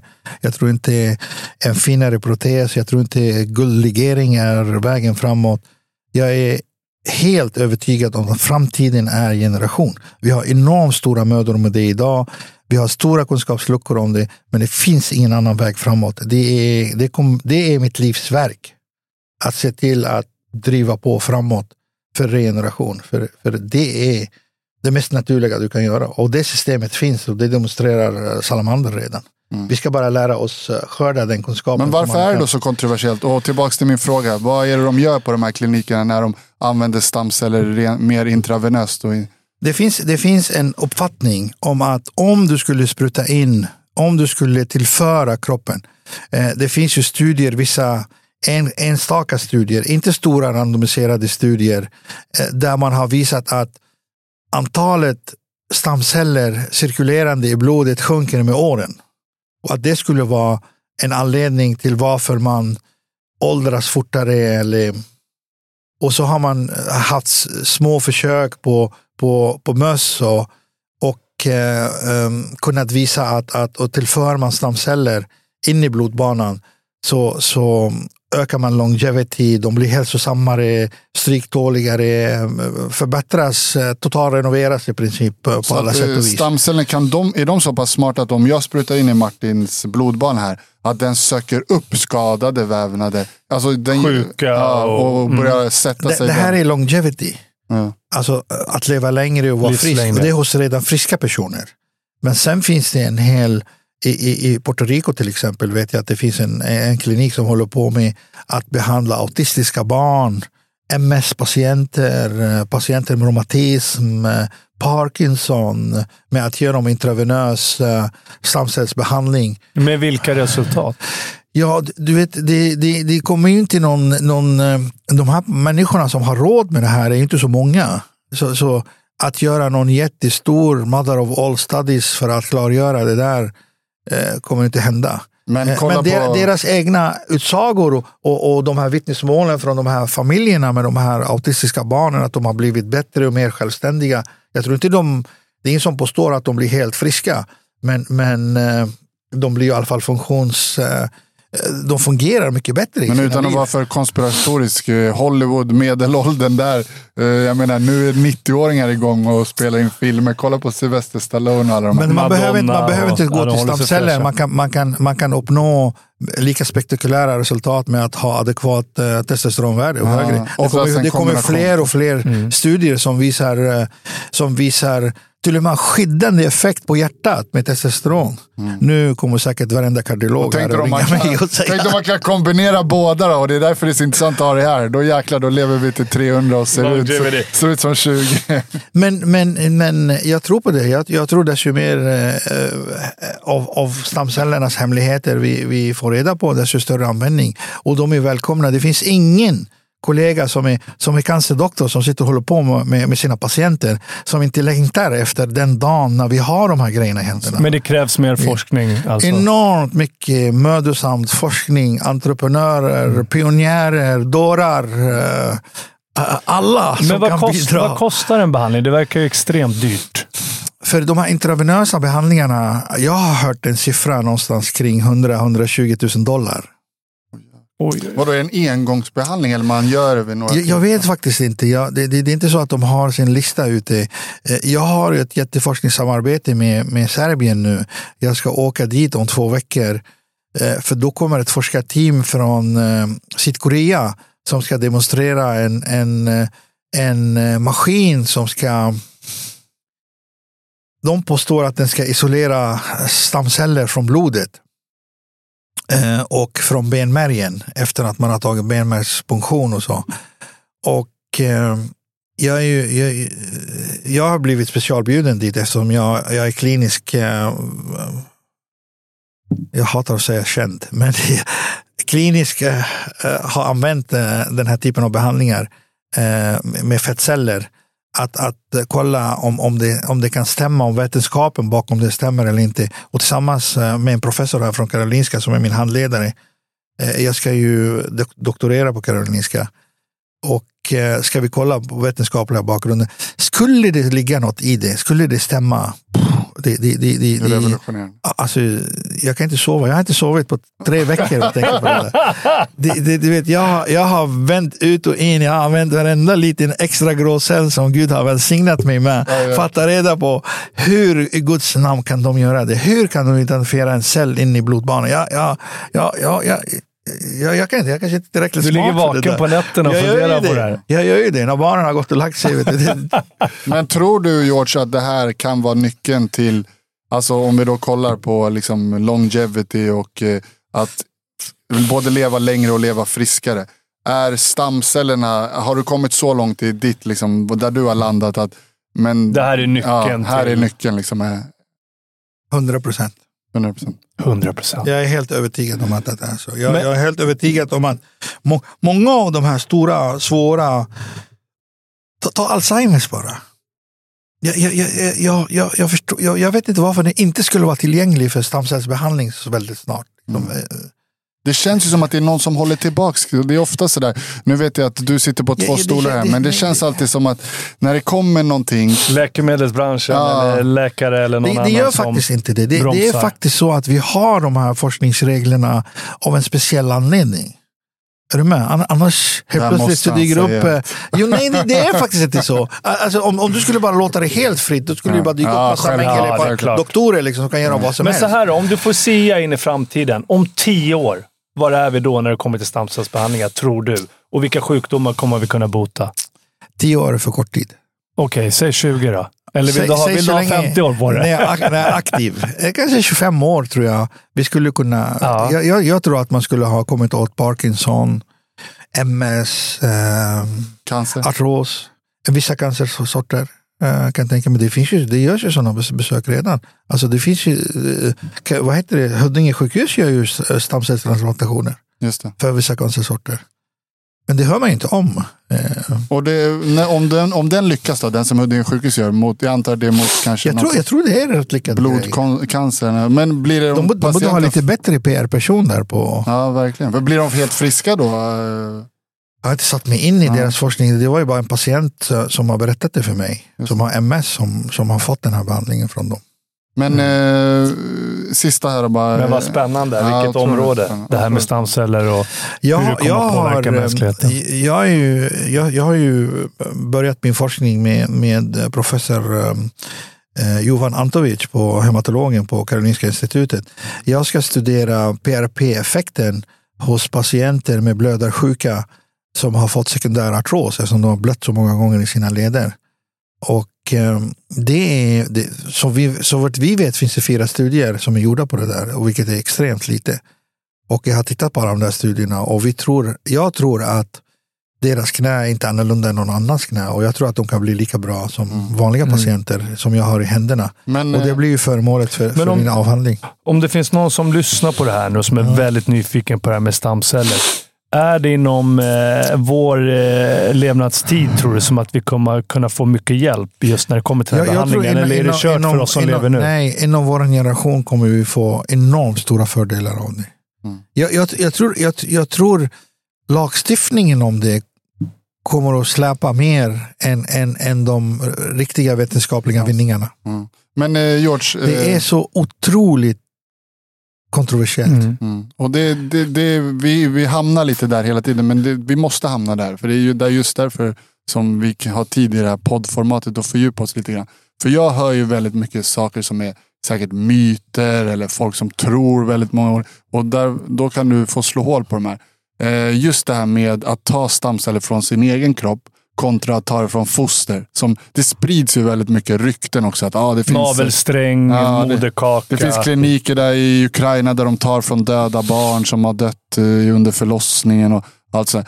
Men oavsett vad som är sanning och inte sanning, men är det potentare stamceller från ett foster än att ta från sig själv? Ja. Om du... Enkla frågan på svaret är ja. Det, De är odifferentierade. Det är helt eh, multipotenta och omnipotenta celler till och med. Jag menar, det finns en lagstiftning av viss anledning. Jag menar, det finns ju många länder som inte har samma abortlag som vi har här. Så, så eh, ta- tar du Sydamerika till exempel så kan det lätt bli så här att man, man, man nästan rekryterar tjejer som är gravida för att få dem att göra abort för att de ska Förstår ta stamceller. Förstår, Man gör dem förstår, förstår du för varför vi har de här reglerna? Att vi ska göra på Ja, ett visst sätt. och det är det Och jag tycker det är, det är förkastligt. Alltså. Det, Ja. det är inte vetenskap överhuvudtaget. Men det är det här som är så himla tvetydigt med så här, när man hittar någon behandlingsmetod eller någonting som kan verkligen hjälpa så otroligt många människor. Så finns det på andra sidan någon som är beredd att utnyttja det här till max. Och så, Men det, det, du det har säger- varit likadant med alla de här läkemedlen som man tog fram i, på, på, på 60 och 50-talet. Nandrolon, när man syntetiserade testosteron.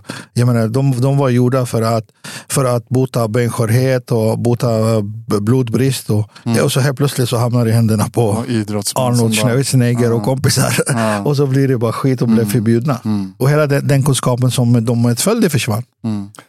Så vill du veta lite om det så måste du fråga en kroppsbyggare idag. Det är Men navelsträngen då? För den slänger man ju ändå. Kan inte det hjälpa en? Vi säger att Martin här, han är, han är så pass dålig att han kan inte få tillbaka sin livskvalitet. Mm. Är det inte då eh, etiskt berättigat att få ta Jag, stamceller? jag tror från- enklast om man ska förstå hela konceptet. Om du föreställer dig, föreställer dig en stamcell, oavsett om du tar den från navelsträngen, från ett aborterat foster, från mesenkymalt stamcell, från fettet eller en från blodet, från benmärgspunktion eller vad det kan vara. Vad du får egentligen är en Ferrari. Utan ratt, utan eh, växel, utan broms. Du vet, inte, du, du, du vet vad den kan gå för. Du vet vad en Ferrari är. Men du kan inte styra den. Du kan inte få den svänga runt hörnet. Du kan inte få den att bromsa. Inte än, men vi Nej. kanske kommer dit. Eller? Anledningen till att vi kommer undan med att spruta fettceller, det är för att de kan bara bli brosk eller ben. Men stoppar in ett fostercell som är super Ferrari, som du inte har en aning om hur den, vad den ska göra. Det är ju omdömeslöst i princip att göra det. Men om man hade kommit så långt att man kunde styra det, hade det inte då varit etiskt försvarbart att den produkten som du ändå bara slänger annars, Då hade vi inte haft den här diskussionen, min kära vän. Mm. Vi hade kunnat odla dem själv på labbet från en, en av dem. Vi hade inte behövt ta det från varenda en som föds. Då hade han varit på sin klinik. Kan du, förstår du? Kan, kan, då hade jag åkt helikopter till jobbet. Och plus att han hade varit Nej, men stormrik. vi förstår ju Den- själva den- att det kommer hända otroligt mycket. Man hör ju det bara under det här, alltså nu de senaste tio minuterna, att det här är liksom i sin linda. Det, det, finns, det finns två frågor som är svåra att besvara. Ett, eh, och det är hur, hur en, på djupet hur en stamcellsfunktion fungerar. En stamcell fungerar. Den andra frågan, den kommer att besvaras. Det, det tror jag, kanske inte under min livstid fullt ut. Den andra frågan som kommer att vara svår och för medicin att besvara är, var sitter själen? Mm. De är, de är lika svåra Mm, de här två mm. frågorna. Mm. Det är Intressant. djupa frågor. Mm. Ja. Okej, eh, vi har ju ytterligare ett spännande ämne vi ska in på, Jimmy. Hormon. hormonhälsa. Just det. Det är ju otroligt spännande och du är otroligt kunnig på det här området, eh, George. Vi vet att våra hormoner styr oss hur vi mår, både fysiskt, mentalt. Eh, longevity har vi varit inne på. Eh, och Det här är ju bara i sin linda också, känns det. Det händer saker hela tiden. Och vi kan påverka våra hormoner väldigt mycket med hur vi själva lever, men även med läkemedel och så vidare. Eh, hur jobbar du när det kommer till hormonhälsa? Jobbar du förebyggande mycket eller eh, hur ser du på det här, eh, George? Jag har, eh, jag har haft förmånen faktiskt väldigt tidigt i min karriär som kirurg och, och eh, exponeras för en, en, en, en kollega, en dansk kollega som, som, eh, som, som eh, gav mig en, en, en, en första fingervisning om att, att, äh, att, att ha en patient framför dig så måste du se helheten på honom. Och, otroligt, han hade mycket massa dåliga egenskaper också den personen. Men, men den här egenskapen var fenomenal. Och sen var han gudabenådad kirurg också. Så man tar till sig det av det han säger. Och eh, en av de sakerna så, så, så, så var det testosteronnivåerna hos män. Och depression och, och dåligt mående hos män och man läker sämre. Och, eh, så, så jag började faktiskt eh, eh, fråga nästan alla mina patienter om de har koll på sin testosteronvärde. Alltså en del män visste knappt att de hade någon jävla testosteronproduktion. Alltså, det är nästan skämmigt. Faktiskt. De har slutat göka helt eller? Det, det är ännu svårare fråga att ställa. Mm. För den frågan ställs aldrig i sjukvården. Hur det är med potensen. Mm. Hur det är, får du morgonstånd? Har du någon eh, lust? Tycker du din fru är attraktiv? Alltså, mm. sådana frågor. Jag ställer faktiskt som, även som Men det kan ju bero på andra saker, att man inte tycker frun är attraktiv. det, det, det, kan det, det kan det. det, kan det. Men annars kan, kan, de, kan de säga att, att, de har, de, de har lust, de, de tycker liksom, de är attraherade av kvinnor och så. Ja, fattar vad du menar. Varför är det viktigt? Vad, vad, vad, vad, vad, är, vad är grejen med det? Jo, grejen med det, det är att män har ett väldigt speciellt sätt att må dåligt på. De mår dåligt, sen går de och hänger sig. Vi har ingen riktigt naturlig forum där vi sitter Även om vi är bästa vänner så sitter inte vi och berättar för varandra hur dåligt vi mår eller inte. Eller om man får upp snorren eller inte. Det gör och vi mår inte. någon dåligt, då är det ofta ryck upp ja, det för det helvete. Precis. Och det är det som, du, du går till, till doktorn och du ser sådär 50 och uh, du säger till honom, Klas, Ah, jag är framgångsrik, jag har vacker fru, jag har fina barn. Men livet är ett jävla uppförsbacke. Jag, må, jag känner inte mig igen mig själv. Saker manglar sakta i mitt huvud. Och, och så tittar hans halvintresserade doktor och säger till honom, men Klas, vi, vi börjar bli gamla allihopa så här är det. Det var roligare när jag var mm. yngre. Och så. Mm. Mm.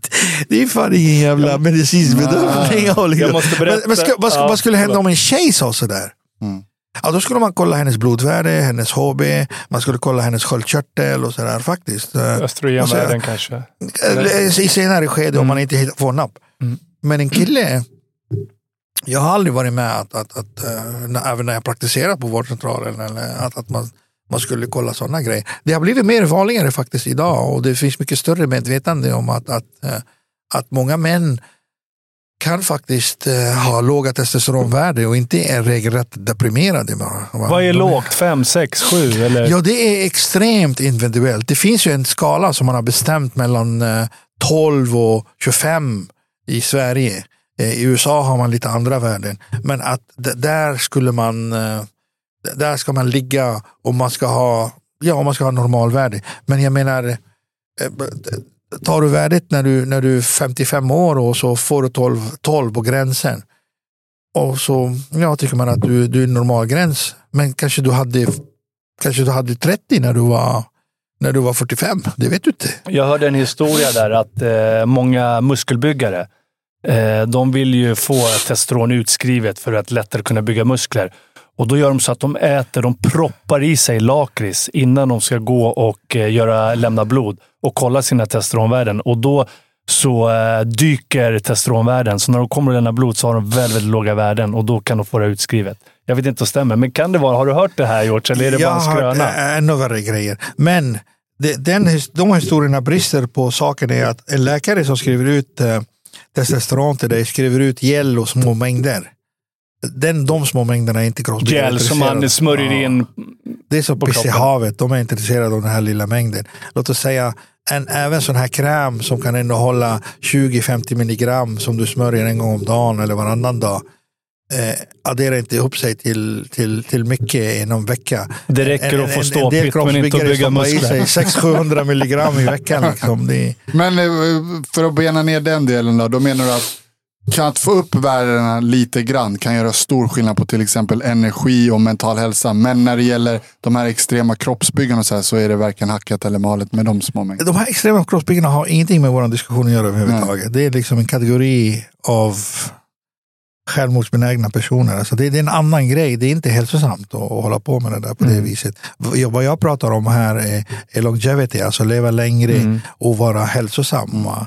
Recreational use. Ja, men vi är med dig 100% där, men är det då ganska små mängder som gör skillnad? Enormt mycket skillnad. Ja, det. Jag måste, Enormt, enormt. Jag menar, att, att träffa patienten, en patient efter några veckor som, som du har skrivit ut testosterongel till. Det, det, det, går, det, du vet, det, det blir en sån revolutionerande förändring i alla aspekter av deras liv. Allt förändras på något sätt. Jag kan ju bara dra en story. Eh, Jag har en god vän då som eh, han sa precis det som du sa. Han kände sig trött, hängig, hade ingen riktig livslust. Han sa liksom, jag kommer hem efter jobb, jag är helt slut. Jag bara sitter i min soffa, hamnar framför tvn. Eh, och så gick han till läkaren. Han tyckte liksom, fasen jag kanske är deprimerad. Jag behöver antidepressiva medel. Eh, men just den här läkaren var väldigt lyhörd eh, och sa, men vi ska kolla dina testosteronvärden, sa han. Och han låg då väldigt, väldigt låg. Jag tror han hade sex eller sju eller något sånt där. Och fick medicinering. Eh, och han, precis som du sa, hela hans liv förändrades. Han fick tillbaka glädjen, energin, sexlusten. Det var han som gick och spände sig nere på Hammarby. Och, eh, men eh, mår så otroligt mycket och förespråkar ju det här. Då. Men ser- då låg ju han i det låga spannet såklart, så det är inte för vem som helst. Men eh, just det där, jag skojade lite, men man ser faktiskt att när livsgnistan kommer tillbaka, bara på en sån här grej som, ja men om en person liksom så här nästan har dålig hållning, eh, alltså just som du säger, att när den har fått eh, upp sina testosteronvärden, för jag har också faktiskt två stycken som har behandlats för det där, att så här, helt plötsligt så är det nästan som en ny person som kommer in. Ja. Man ser liksom, Många- För han många- berättade många- den här läkaren bara att när han sa det, att många läkare gör det fel, att de, de skriver ut antidepressiva istället. De tror att de är deprimerade. Mm. Men han sa det, jag brukar bara märka på, direkt på handslaget och på hur de öppnar dörren. De sliter upp den när de kommer andra gången på återbesök mot första gången och kommer långsamt och sakta. Och så, så bara där såg han en skillnad, berättade han. Men om du kan öka livskvaliteten hos så många med så små medel och i förhållandevis liksom, eh, eh, produkt som inte ger så, några biverk, negativa biverkningar. Varför ska det här vara så himla kontroversiellt också då? Det är lika kontroversiellt som eh, eh, värden på sköldkörtelhormoner hos kvinnor. Det är också jättekontroversiellt vad som är adekvat värde. Och det finns många kvinnor som kan svära på att eh, ja, de tar blodprov och de har normalvärde. Även sådana som har sköldkörtelbrist, som har fått medicinen och eh, går till sin läkare och säger men, men det, det, du, jag tycker inte, det känns inte som att det hjälper mig medicinen. Så tar man ett värde och så, så tycker de att det är normalt. Men, men tjejerna säger att men det kan inte vara normalt för, för jag tickar ju ändå inte. Så, så det är lite godtyckligt. Vad, jag tror det är extremt individuellt vad, hur mycket en, en sköldkörtelvärde ska vara för en viss person och hur mycket testosteronvärde ska vara för en annan person. Jag kan tänka mig med östrogen är likadant också. Men kvinnor har ju också testosteron. Deras värden... De, har- de har, det, det det finns lika många kvinnor som lider av testosteronbrist som män. och det pratar de, man ju inte mycket om. Noll, de, sj- själva tror de inte ens att de har testosteronproduktion. Får man ens tänka det till? Nej, du ska inte ha med. De Jag, tycker, jag, tycker inte, jag, tycker inte, jag, jag tycker inte den här typen av behandlingar är någon lyx. Jag tycker inte, jag tycker det är bara en mänsklig rättighet helt och hållet att, att ha sin hormon Men där måste ju du balans. någonstans behöva armbåga lite då som läkare. För vad jag, min allmänna känsla är att Jag, jag, tycker läkare- jag, jag, jag armbågar mig så mycket för stamceller och PRP och, och nu testosteron. Så det känns som att eh, Men är det Ja, men du är en så? av få som vågar sticka ut hakan och, och, och, och bara prata om eh, de här bitarna. För att blir det inte så lätt att man blir instoppad i ett fack och säger så här, ja men eh, George här, han eh, skrev ut eh, testosteron. Men hade det varit George här, han skrev ut sköldkörtel, eh, medicin, levaxin. Alltså just det här att det har någon liten smutsig stämpel över sig. Liksom. Fast det kan hjälpa så många, är inte det konstigt då? det är det. det, jag menar, eh, många, många, många är rädda för sina kollegors kritik, kritik, kritik och ehm, mm, vi, vi har den här eh, stigmatiserande sättet att vara. Det, det, det, jag, jag, jag har ett ansvar och det är för min patient. Först och främst att inte göra illa honom. Eh, och sen försöka hjälpa honom så gott jag kan. Och, och, och eh, jag är välsignad med massa kunskaper. De jag kan, de som finns i kloka listan, de som landstinget vill att jag ska använda och andra saker som jag kan också. Men min förskrivningsrätt är ju personlig. Eh, och den är enbart min. Den är inte beroende av min arbetsgivare eller någon annan. Nej. Men hade det inte varit en omvänt då tänker jag, att en läkare som upptäcker en testosteronbrist men på grund av rädsla för att kanske då eh, hamna i någon form av, nej men det här är en behandling som inte är, accepterad, så missbrukar sin rätt att ge den bästa möjliga behandlingen till den, tänk, alltså den Jag tycker, patienten. jag tycker det är lika fel. Ja, det är det jag menar. Det måste ju Jag vara tycker, minst jag tycker det är lika fel. Jag, jag, jag, eh, jag vet inte vad... vad ja, men krävs det bättre studier, då får vi göra dem då. Mm. Eh, Men jag tycker inte det, det, det är ingen skambelagd grej. Det är den mest fundamentala hormonet hos en man. Mm. Det, vi har ingen annan så fundamental hormon som, som kännetecknar oss. Och, och tvärtom vad man tror, det är ju deprimerade män och män som känner sig mindre värda som blir aggressiva. Inte sådana som har sin testosteron. De blir lite som Bamse, starka och, kunna- och lugna. Och, Gå ner, alltså om man, det är en sak att överdosera och där kanske det som du säger, de som självmedicinerar, livsfarligt och tar för mycket testosteron. Men tänk de som, ja, vi har mycket självmord här i Sverige, om man skulle få läkare att våga utforska det här lite mer och vara lite mindre restriktiva att kanske rädda jättemånga män från att... det skulle vara ett fantastiskt studie för någon. Hoppas någon av lyssnarna håller på med som studerar psykiatri som skulle kunna göra en sån studie. Den skulle bli nästan världskänd. Mm. Det finns ju faktiskt en sån här klinisk misstanke att det, det kunde ha varit så. Eller det, varför skulle det inte vara så? Eh, men, men skulle man kunna belägga det med, med, en, med en fin studie så, så, så skulle det vara fantastiskt faktiskt. Men vad rekommenderar du? Om man har de här symptomen, man känner man har inget driv, man har ingen energi, sexlusten har minskat och så vidare. Det kan ju bero på många olika anders- anledningar. Det behöver ju inte vara bara testosteronet såklart. Men Självklart. tycker du att man som läkare eller kanske då som patient själv ska gå och kolla upp det här och verkligen fråga sin vårdcentral. Jag skulle vilja mäta min, mina testosteronvärden, som, Jag både tycker- som kvinna och man. Jag tycker, jag tycker generellt man ska ha en husläkare som kan, man kan föra ett sånt samtal med. Eh, eh, kan man inte det så är han inte rätt person för dig. Mm. Och vi, har, vi, har, vi har helt fritt att välja husläkare. Mm. Eh, Jag menar, en husläkare är som vilken annan person som helst. Har du inte kemi med honom så ingenting kommer bli uträttat. Men det är här du sticker ut lite tycker jag George. Och det är att här, man ska inte utesluta någonting. Tvärtom, man ska se helheten. Att om, en patient, om jag hade varit läkare och en patient hade kommit till mig. Då hade jag sagt så här. Okej, vi lokaliserar problemet. Och så visar det sig att ja, du har testosteronbrist. Då hade jag sett så här, helheten. Vad finns det för möjligheter här? Man kan inte bara säga så här. Att nej, naturliga hälsokostpreparat kan hjälpa dig. Man kan inte bara säga att eh, förbättrad kost kan hjälpa dig. Eller träning kan hjälpa dig. Medicinering kan hjälpa dig. Utan man måste se liksom alla delar. Men det känns som att så många läkare, nu låter jag väldigt kritisk, men att de utesluter. Till exempel om man har psykiska problem. Samtal plus medicinsk behandling måste ju vara det bästa i många fall. Istället för att bara tänka så här, jag är emot medicinsk behandling. Eller jag är eh, bara för medicinsk behandling. Men det är det jag gillar med dig, att du ser många verktyg och försöker knyta ihop en helhet. Och med just testosteronbrist så har vi så här, ja, du kanske behöver börja träna för att då kommer ditt naturliga produktion öka. Eh, Men du kanske också behöver lite hjälp på vägen med medicinsk behandling, eventuellt. Men man måste se liksom ett större Har helhetsbild. du testosteronbrist naturligt, alltså dina kulor inte producerar det, det spelar fan ingen roll hur mycket du tränar, du kommer inte få tillbaka det. Ja, det finns sådana fall också. Men generellt sett så är det ju så att Har du, träning... har du testosteron, adekvat testosteronproduktion så kan du öka den. Mm. Du kan få din fabrik att producera mer. Har du brist så kan du inte få den. Den fabriken har slutat producera det. Ja, men, om jag- om jag-. Om, om jag vill höja min egen testosteronutsöndring, vad kan jag göra själv när det kommer till kost och träning? Äta mm, gott och sova, sova länge. Sova, mycket. Sova mer, sömnen är viktig. Ja, stress men, är den också, största dödaren av alla dina testosteronvärden. Ja. men just styrketräning säger man ju ofta. Alltså tunga basövningar och så vidare är väldigt effektivt för att ta upp sina egna testosteronvärden. Mus- Muskler och att ha muskler är ett ämne för sig själv som vi, som vi kanske borde ta upp lite.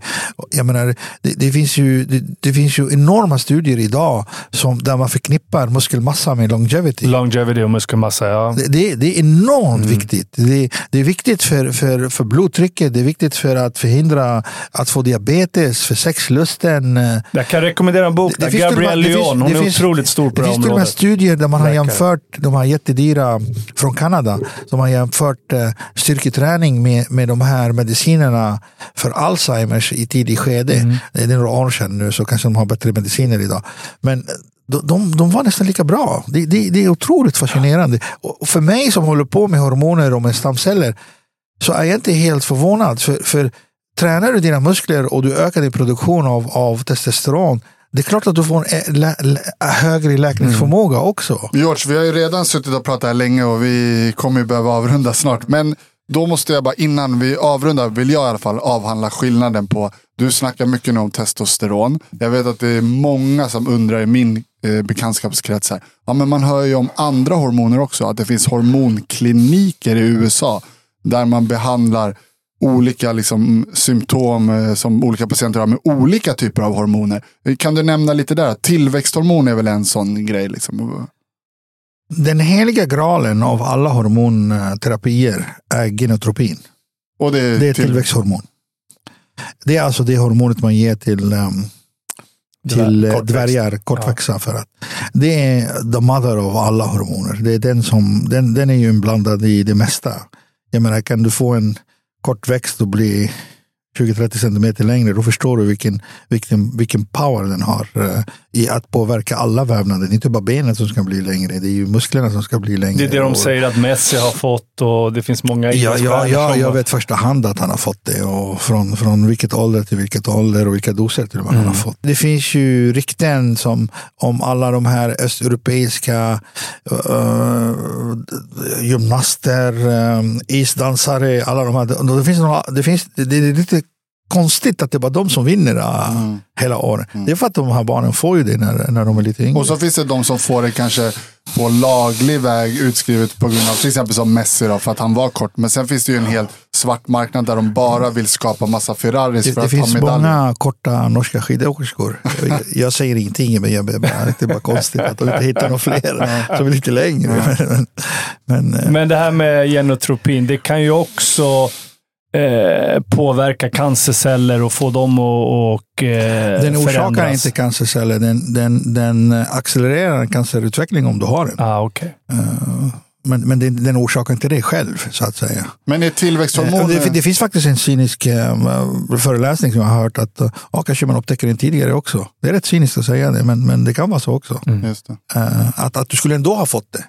Och så, så accelererar den utvecklingen så syns det. Men för att få förstå då, den eh, potentialen i tillväxthormon. Är det då, alltså den låter ju extremt eh, potent för att skapa Ferraris, alltså högproduktivt, liksom med att kanske en toppatlet som ska vinna ett VM-guld. Men har den rent hälso, alltså skulle man kunna behandla patienter med smärta med eh, eh, andra typer av, för att få en högre livskvalitet? Eller är den för potent för sådana delar? Alltså den, den, den bästa beskrivningen eh, eh, som, som eh, jag ska läsa upp det från det här. Från eh, en översikt jag har. Eh, och eh, vad den kan göra eller inte kan göra.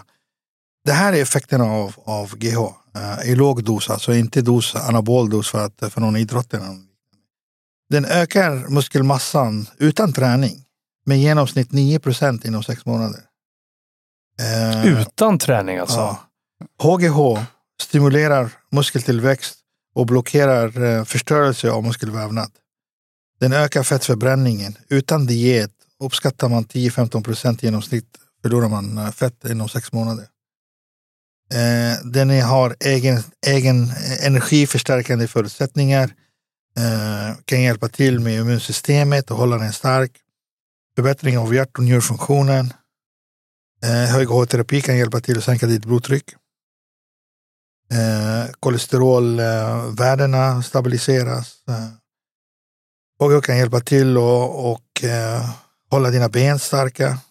Accelerering av sårläkning. Där kommer det in i, i, i, i min sfär så att säga.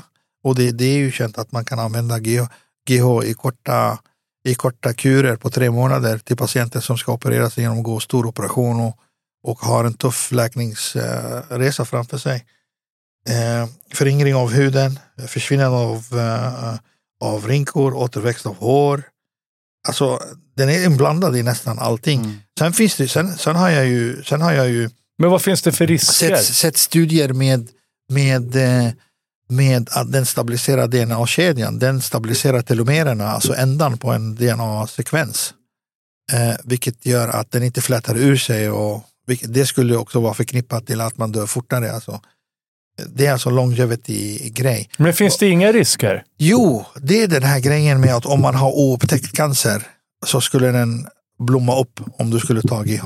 Annars, annars för att nu låter det, ja, alla ska gå till sin husläkare och skriva ut GH. Det kan man inte göra. Man måste vara specialist och det måste vara väldigt eh, speciella förhållanden man gör det med.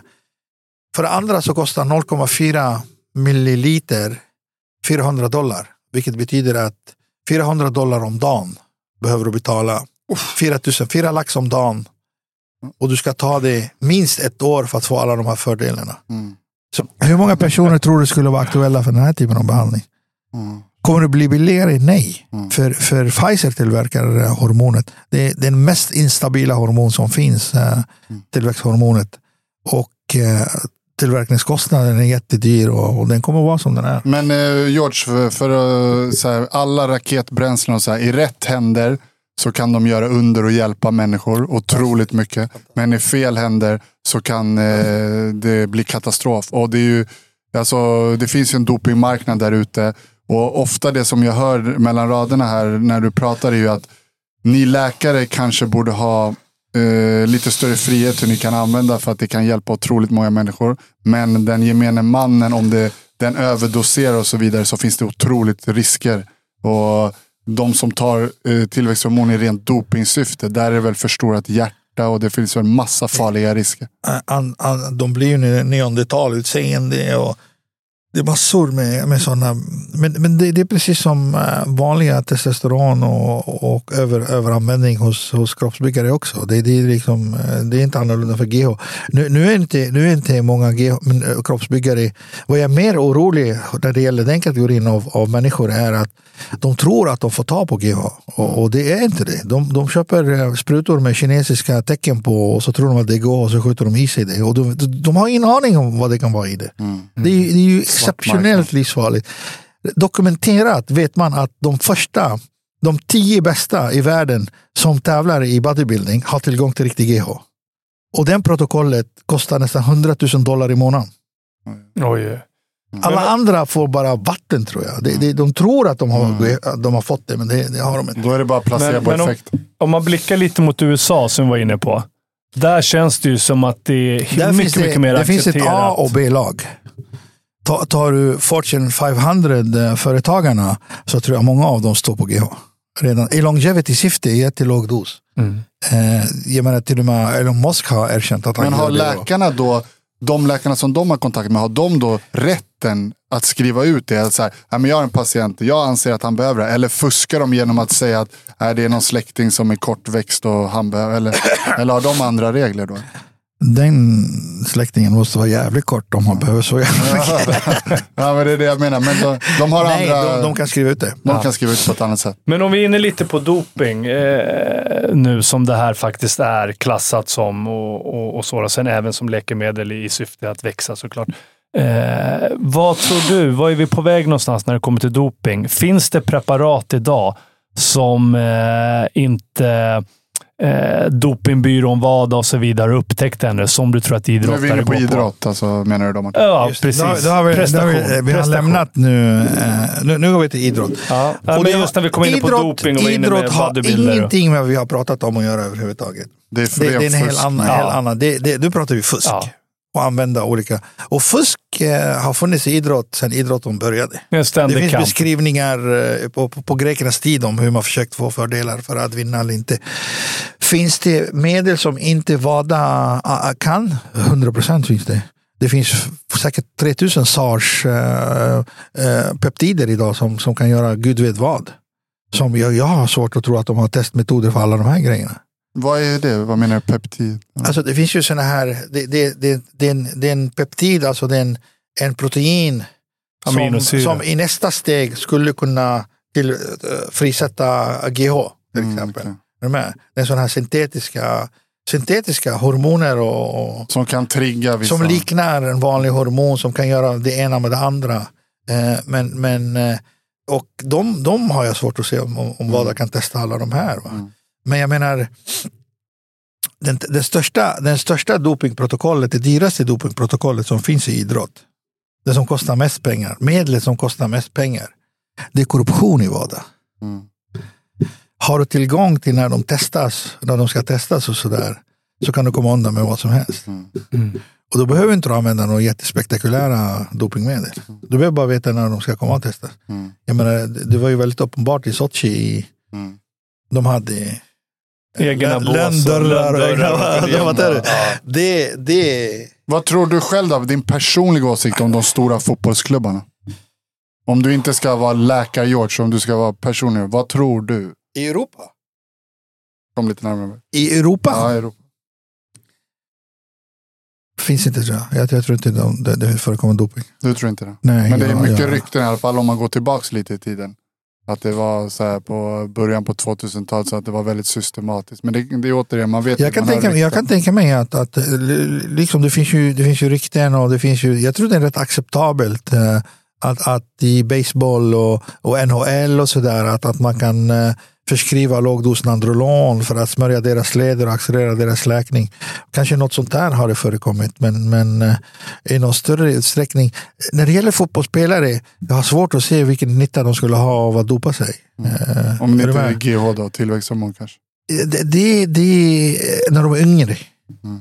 Är du med? Är, är, du, är, du, är du 12 år och du har supertalang i fotboll och du stoppar i dig GH. GH är känt för att främja de här sekvensmönstren. Att, att åka konståkning, gymnastik, där de här komplexa repetitiva grejerna. Att, att man Att du blir... även bygger närmuskulära kopplingar menar du? Exakt ja. Jäklar. Exakt. Att det Till och med- påverkar och- oss neuromuskulärt alltså Ja. till och med. Enormt. Det- Alltså, det finns inget som kan Mm. potentiera din nervsystem som, som GH när du håller på att växa upp. Det är precis som Messi fick. Nu kanske Messis agent kommer Och ringa mig här och säga. ja, men det är också så snacka- att det har du nytta av under hela din karriär. Även om du inte fortsätter. har du, har, du, har du fått den vinsten så är den permanent. Alltså det är ju nästan lite frustrerande att tänka så. Att Ja. vissa av våra mest framgångsrika idrottare har fått det här någon föreskrivet och har den fördelen. Alltså att det blir fusk men som ändå är godkänt fusk på något konstigt Men, sätt. men jag har fått frågan från många. Eh, på vilket sätt skulle det ha påverkat Messi? Eh, Messi har fenomenal talang. Han, det finns ingen större fotbollstalang än han. Det, vad, vad det har gett honom är att han kunde träna två gånger om dagen som 11-12-åring.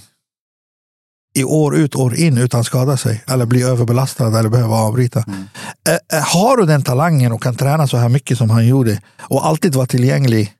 Det är klart du får en sån här fenomenal Mm. karriär. Mm. Jag menar, tar, du, tar du Ronaldo, den andra Ronaldo. Han hade tusen gånger mer talang än honom. Men han pajade redan när han var 26. Mm, exakt, Mm. exakt. Han fick inte nog. Men det lät som att du Nej, hade nej. lite indikationer, jag ska inte pressa dig för hårt på att det föregår, försiggår på ett lite annat sätt i Nordamerika. Jag hörde det mellan raderna där lite grann. Lite. Mm. Det, de, de där skand- skandalerna avlöser varandra hela tiden. Men eh, George, vi har hållit på nästan i två timmar här nu? Det går snabbt när man har roligt. Jäklar. Men vi har en sak som vi inte har pratat om, som jag vet att du brinner otroligt mycket för, som får mycket skit. Det är den svenska sjukvården.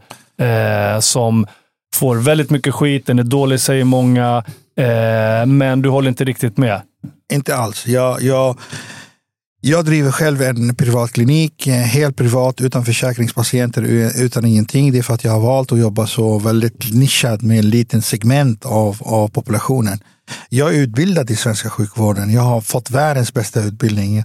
Jag har kollegor som är mina hjältar, som sliter varenda jävla dag på sjukhuset. Eh, och, för att få så många som möjligt av oss att och, och, och få hjälp med sina besvär och sjukdomar. Vi världsleder i många områden inom sjukvård. Det finns inget land som är rättvisare än oss när det gäller sjukvård. Men det känns ju som att när man väl är inne i apparaturen, då är många väldigt nöjda. När man är inne i den svenska sjukvården. Men just det steget att komma in, de här extrema vårdköerna och så vidare. Det är väl där mycket av kritiken kommer. Men det, det, det, det, det kan inte vara, det är gratis, det kan inte vara på, på ett annat sätt. Jag menar, alla jobbar ihjäl sig på sjukhuset. Förstår du vad jag menar? Folk blir ju äldre, de får fler sjukdomar. Vi kanske måste sålla lite bättre med vilka vi ska ta hand om och vilka ska gå till privat sjukvård eller inte. Vi, kan, vi har inte råd med allting till alla, all, alltid och hela tiden. Men kritiken är också många att har jag, er, har jag mycket pengar, jag har råd med en, en sjuk och vårdförsäkring, så får jag snabb hjälp. Men, men har jag inte den, det så den, hamnar den, jag i det här. Den personen har, har, haft det förut också. Han har haft det, den personen i Afrika har det också. Det behöver inte vara, förstår du? Den privilegierad person är privilegierad. Han, kan, han, har, han får andra saker än vanliga människor. Men om du tänker dig den gemene mannen, den här resurssvagaste av oss som sliter på Volvo fabrik, som inte har kontakter och sådär. Han får lika bra sjukvård som dig när du, när du åker till sjukhuset. Och där är Sverige det, nej, nej, jag ringer dig direkt. men men det, där är vi unika alltså. Förstår du? Det, det, det är liksom, vi har en behovsprövad sjukvård. Mm. Alltså, det är fantastiskt jävla idé. Så vi hyllar vi... lite svenska sjukvården jag tycker idag? Det, jag tycker vi ska hylla dem enormt Det får man inte glömma bort. Jag har ju varit nu med anhöriga som har haft cancer. Och så. Det, är fan, alltså det finns fantastiskt mycket bra läkare och, och, på det hela såklart fantastiskt. Men sen har den ju säkert sina förbättringsområden också. Och vi har ju varit inne lite grann också på idrottsmedicin och så här. Där kan man ju tycka nu träffade vi dig George efter vår karriär, men vi var ju, bodde i Tyskland lite så här, i liga där. Och, och där känner man att det har varit lite eh, annorlunda i Sverige, kände mm. jag i alla fall. Mm. Under, men den, den, den eh, kategorin växer också. Mm. Vi har ju traditionellt varit eh, morbröder som har ställt upp och mamma som har ställt upp mm. och som är husläkare och sådär. Det, det växer, idrottsmedicin växer i Sverige. Vi har idrottsmedicinska föreningen som jag är medlem i. Eh, de, håller utbildningar, kunskapen blir bara större och större. Ja, men så småningom så kommer vi få säkert eh, riktiga avlönade subspecialister som idrottsdoktorer. Mm. Eh, om, man, eh, om man har ledproblem eller muskelskador, problem med senor, det kan vara alla möjliga typer av problematik som vi har diskuterat här idag. Mm. Och vill komma i kontakt med dig och dina medarbetare och din klinik, vad vänder man sig då, George? Eh, Enklast är det ju att titta in på vår hemsida och så kan man faktiskt boka tid själv där. Eftersom vi är privat så behöver man inte ha någon remiss, ingenting. Man beskriver kortfattat vad man behöver hjälp med och så, så, så får man komma och, och för en bedömning och så, så avgör jag eller någon av mina kollegor om, om ärendet är adekvat för oss, liksom att vi kan hjälpa till. Du, du ska veta, det är inte vad vi kan göra. Vi, vi beskyddar av patientens ekonomi också. Alltså han måste ha ett adekvat problem som lämpar sig för den här typen av behandlingar, för det är jättedyrt. Så, så oavsett så, så styrs jag av min moral först. Jag kommer inte utsätta någon för massa pengar bara för att jag kan göra det. Mm. Eh, när, jag, när jag vet hela spektrat inom svenska sjukvården vad man kan göra där. Mm. Så jag hänvisar många patienter tillbaka till husvården. Det här är lite det här kan fixas faktiskt på ett annat sätt än, än de här dyra pengarna som du, som du tror att du kan ja, göra. Fint mm. att du har, och det mm. vet jag att du har. Eh, men då är det på Elitortopedis eh, hemsida, elitortopedi.se. Ja, mm. där finns alla kontaktuppgifter. George, vi måste avrunda men eh, det har varit otroligt eh, intressant. Alltså verkligen, verkligen intressant. Jag har lärt mig massor ja. och jag har roligt, fått ja. ännu mer frågor för jag är så nyfiken. Ja. Vi kommer säkerligen bjuda in dig fler gånger för det går ju fort framåt nu. Nu kommer det så många och... frågor från eh, lyssnare också. Absolut. Eh, jag är övertygad om efter det här Jag avsnittet. hoppas att eh, jag har gjort mig tydlig och, och eh, inte förolämpat någon eller något liknande. Du har jag, överträffat våra förväntningar. Vad roligt att höra. Tack Dr. Jag, jag, är, så, jag är så, så stolt att jag har fått möjligheten att komma och prata med er. Jag menar, ni är mina hjältar bägge. Så. Ja, och du är vår hjälte. Tusen tack, tack eh, Dr. George. Tack vi ska mycket. säga också till våra lyssnare va, att om man vill vara med och stödja podden och att vi ska kunna bjuda hit fler fantastiska gäster som George så kan man eh, swisha en valfri summa för ja, allt det här stötta arbetet. Potten. Stödda, stötta podden. Och eh, swishar man mer än 150 kronor så kommer vi skicka med eh, våran bok i pocketform signerad. Eh, Swish-numret hittar man vart då Martin? Den hittar man i texten på varje avsnitt som vi släpper. så den kommer att finnas med i avsnittsbeskrivningen. Så det har jag, jag ska swisha så fort jag kommer härifrån. hade du fått lite mer PRP eller stamceller, då hade du kommit ihåg numret ja, ja, ja, jag har inte ens tittat på det. Men du får väl, eh, ja, och det är ju Brottabröder då. En fight för livet, våran bok som vi... Tack George. Tack så mycket. Nära. Tusen tack George. Tack så mycket. Tack för idag. Tack. Ge boken förresten. Ja, den ska du såklart. Men jag ska swisha också. Nej, jag ska swisha. Vi ska signera den till Det är vi som ska swisha dig. Ja, tack för idag. Tusen tack. Tack. Och som vanligt producerades det här avsnittet av produktionsbolaget Storyhood. Storyhood är ett produktionsbolag som producerar både böcker, poddar och ljudböcker. Så stort tack till Storyhood. Utan er hade inte den här podden varit möjlig. Glöm inte att prenumerera, följa, likea. Brottabröder Podcast.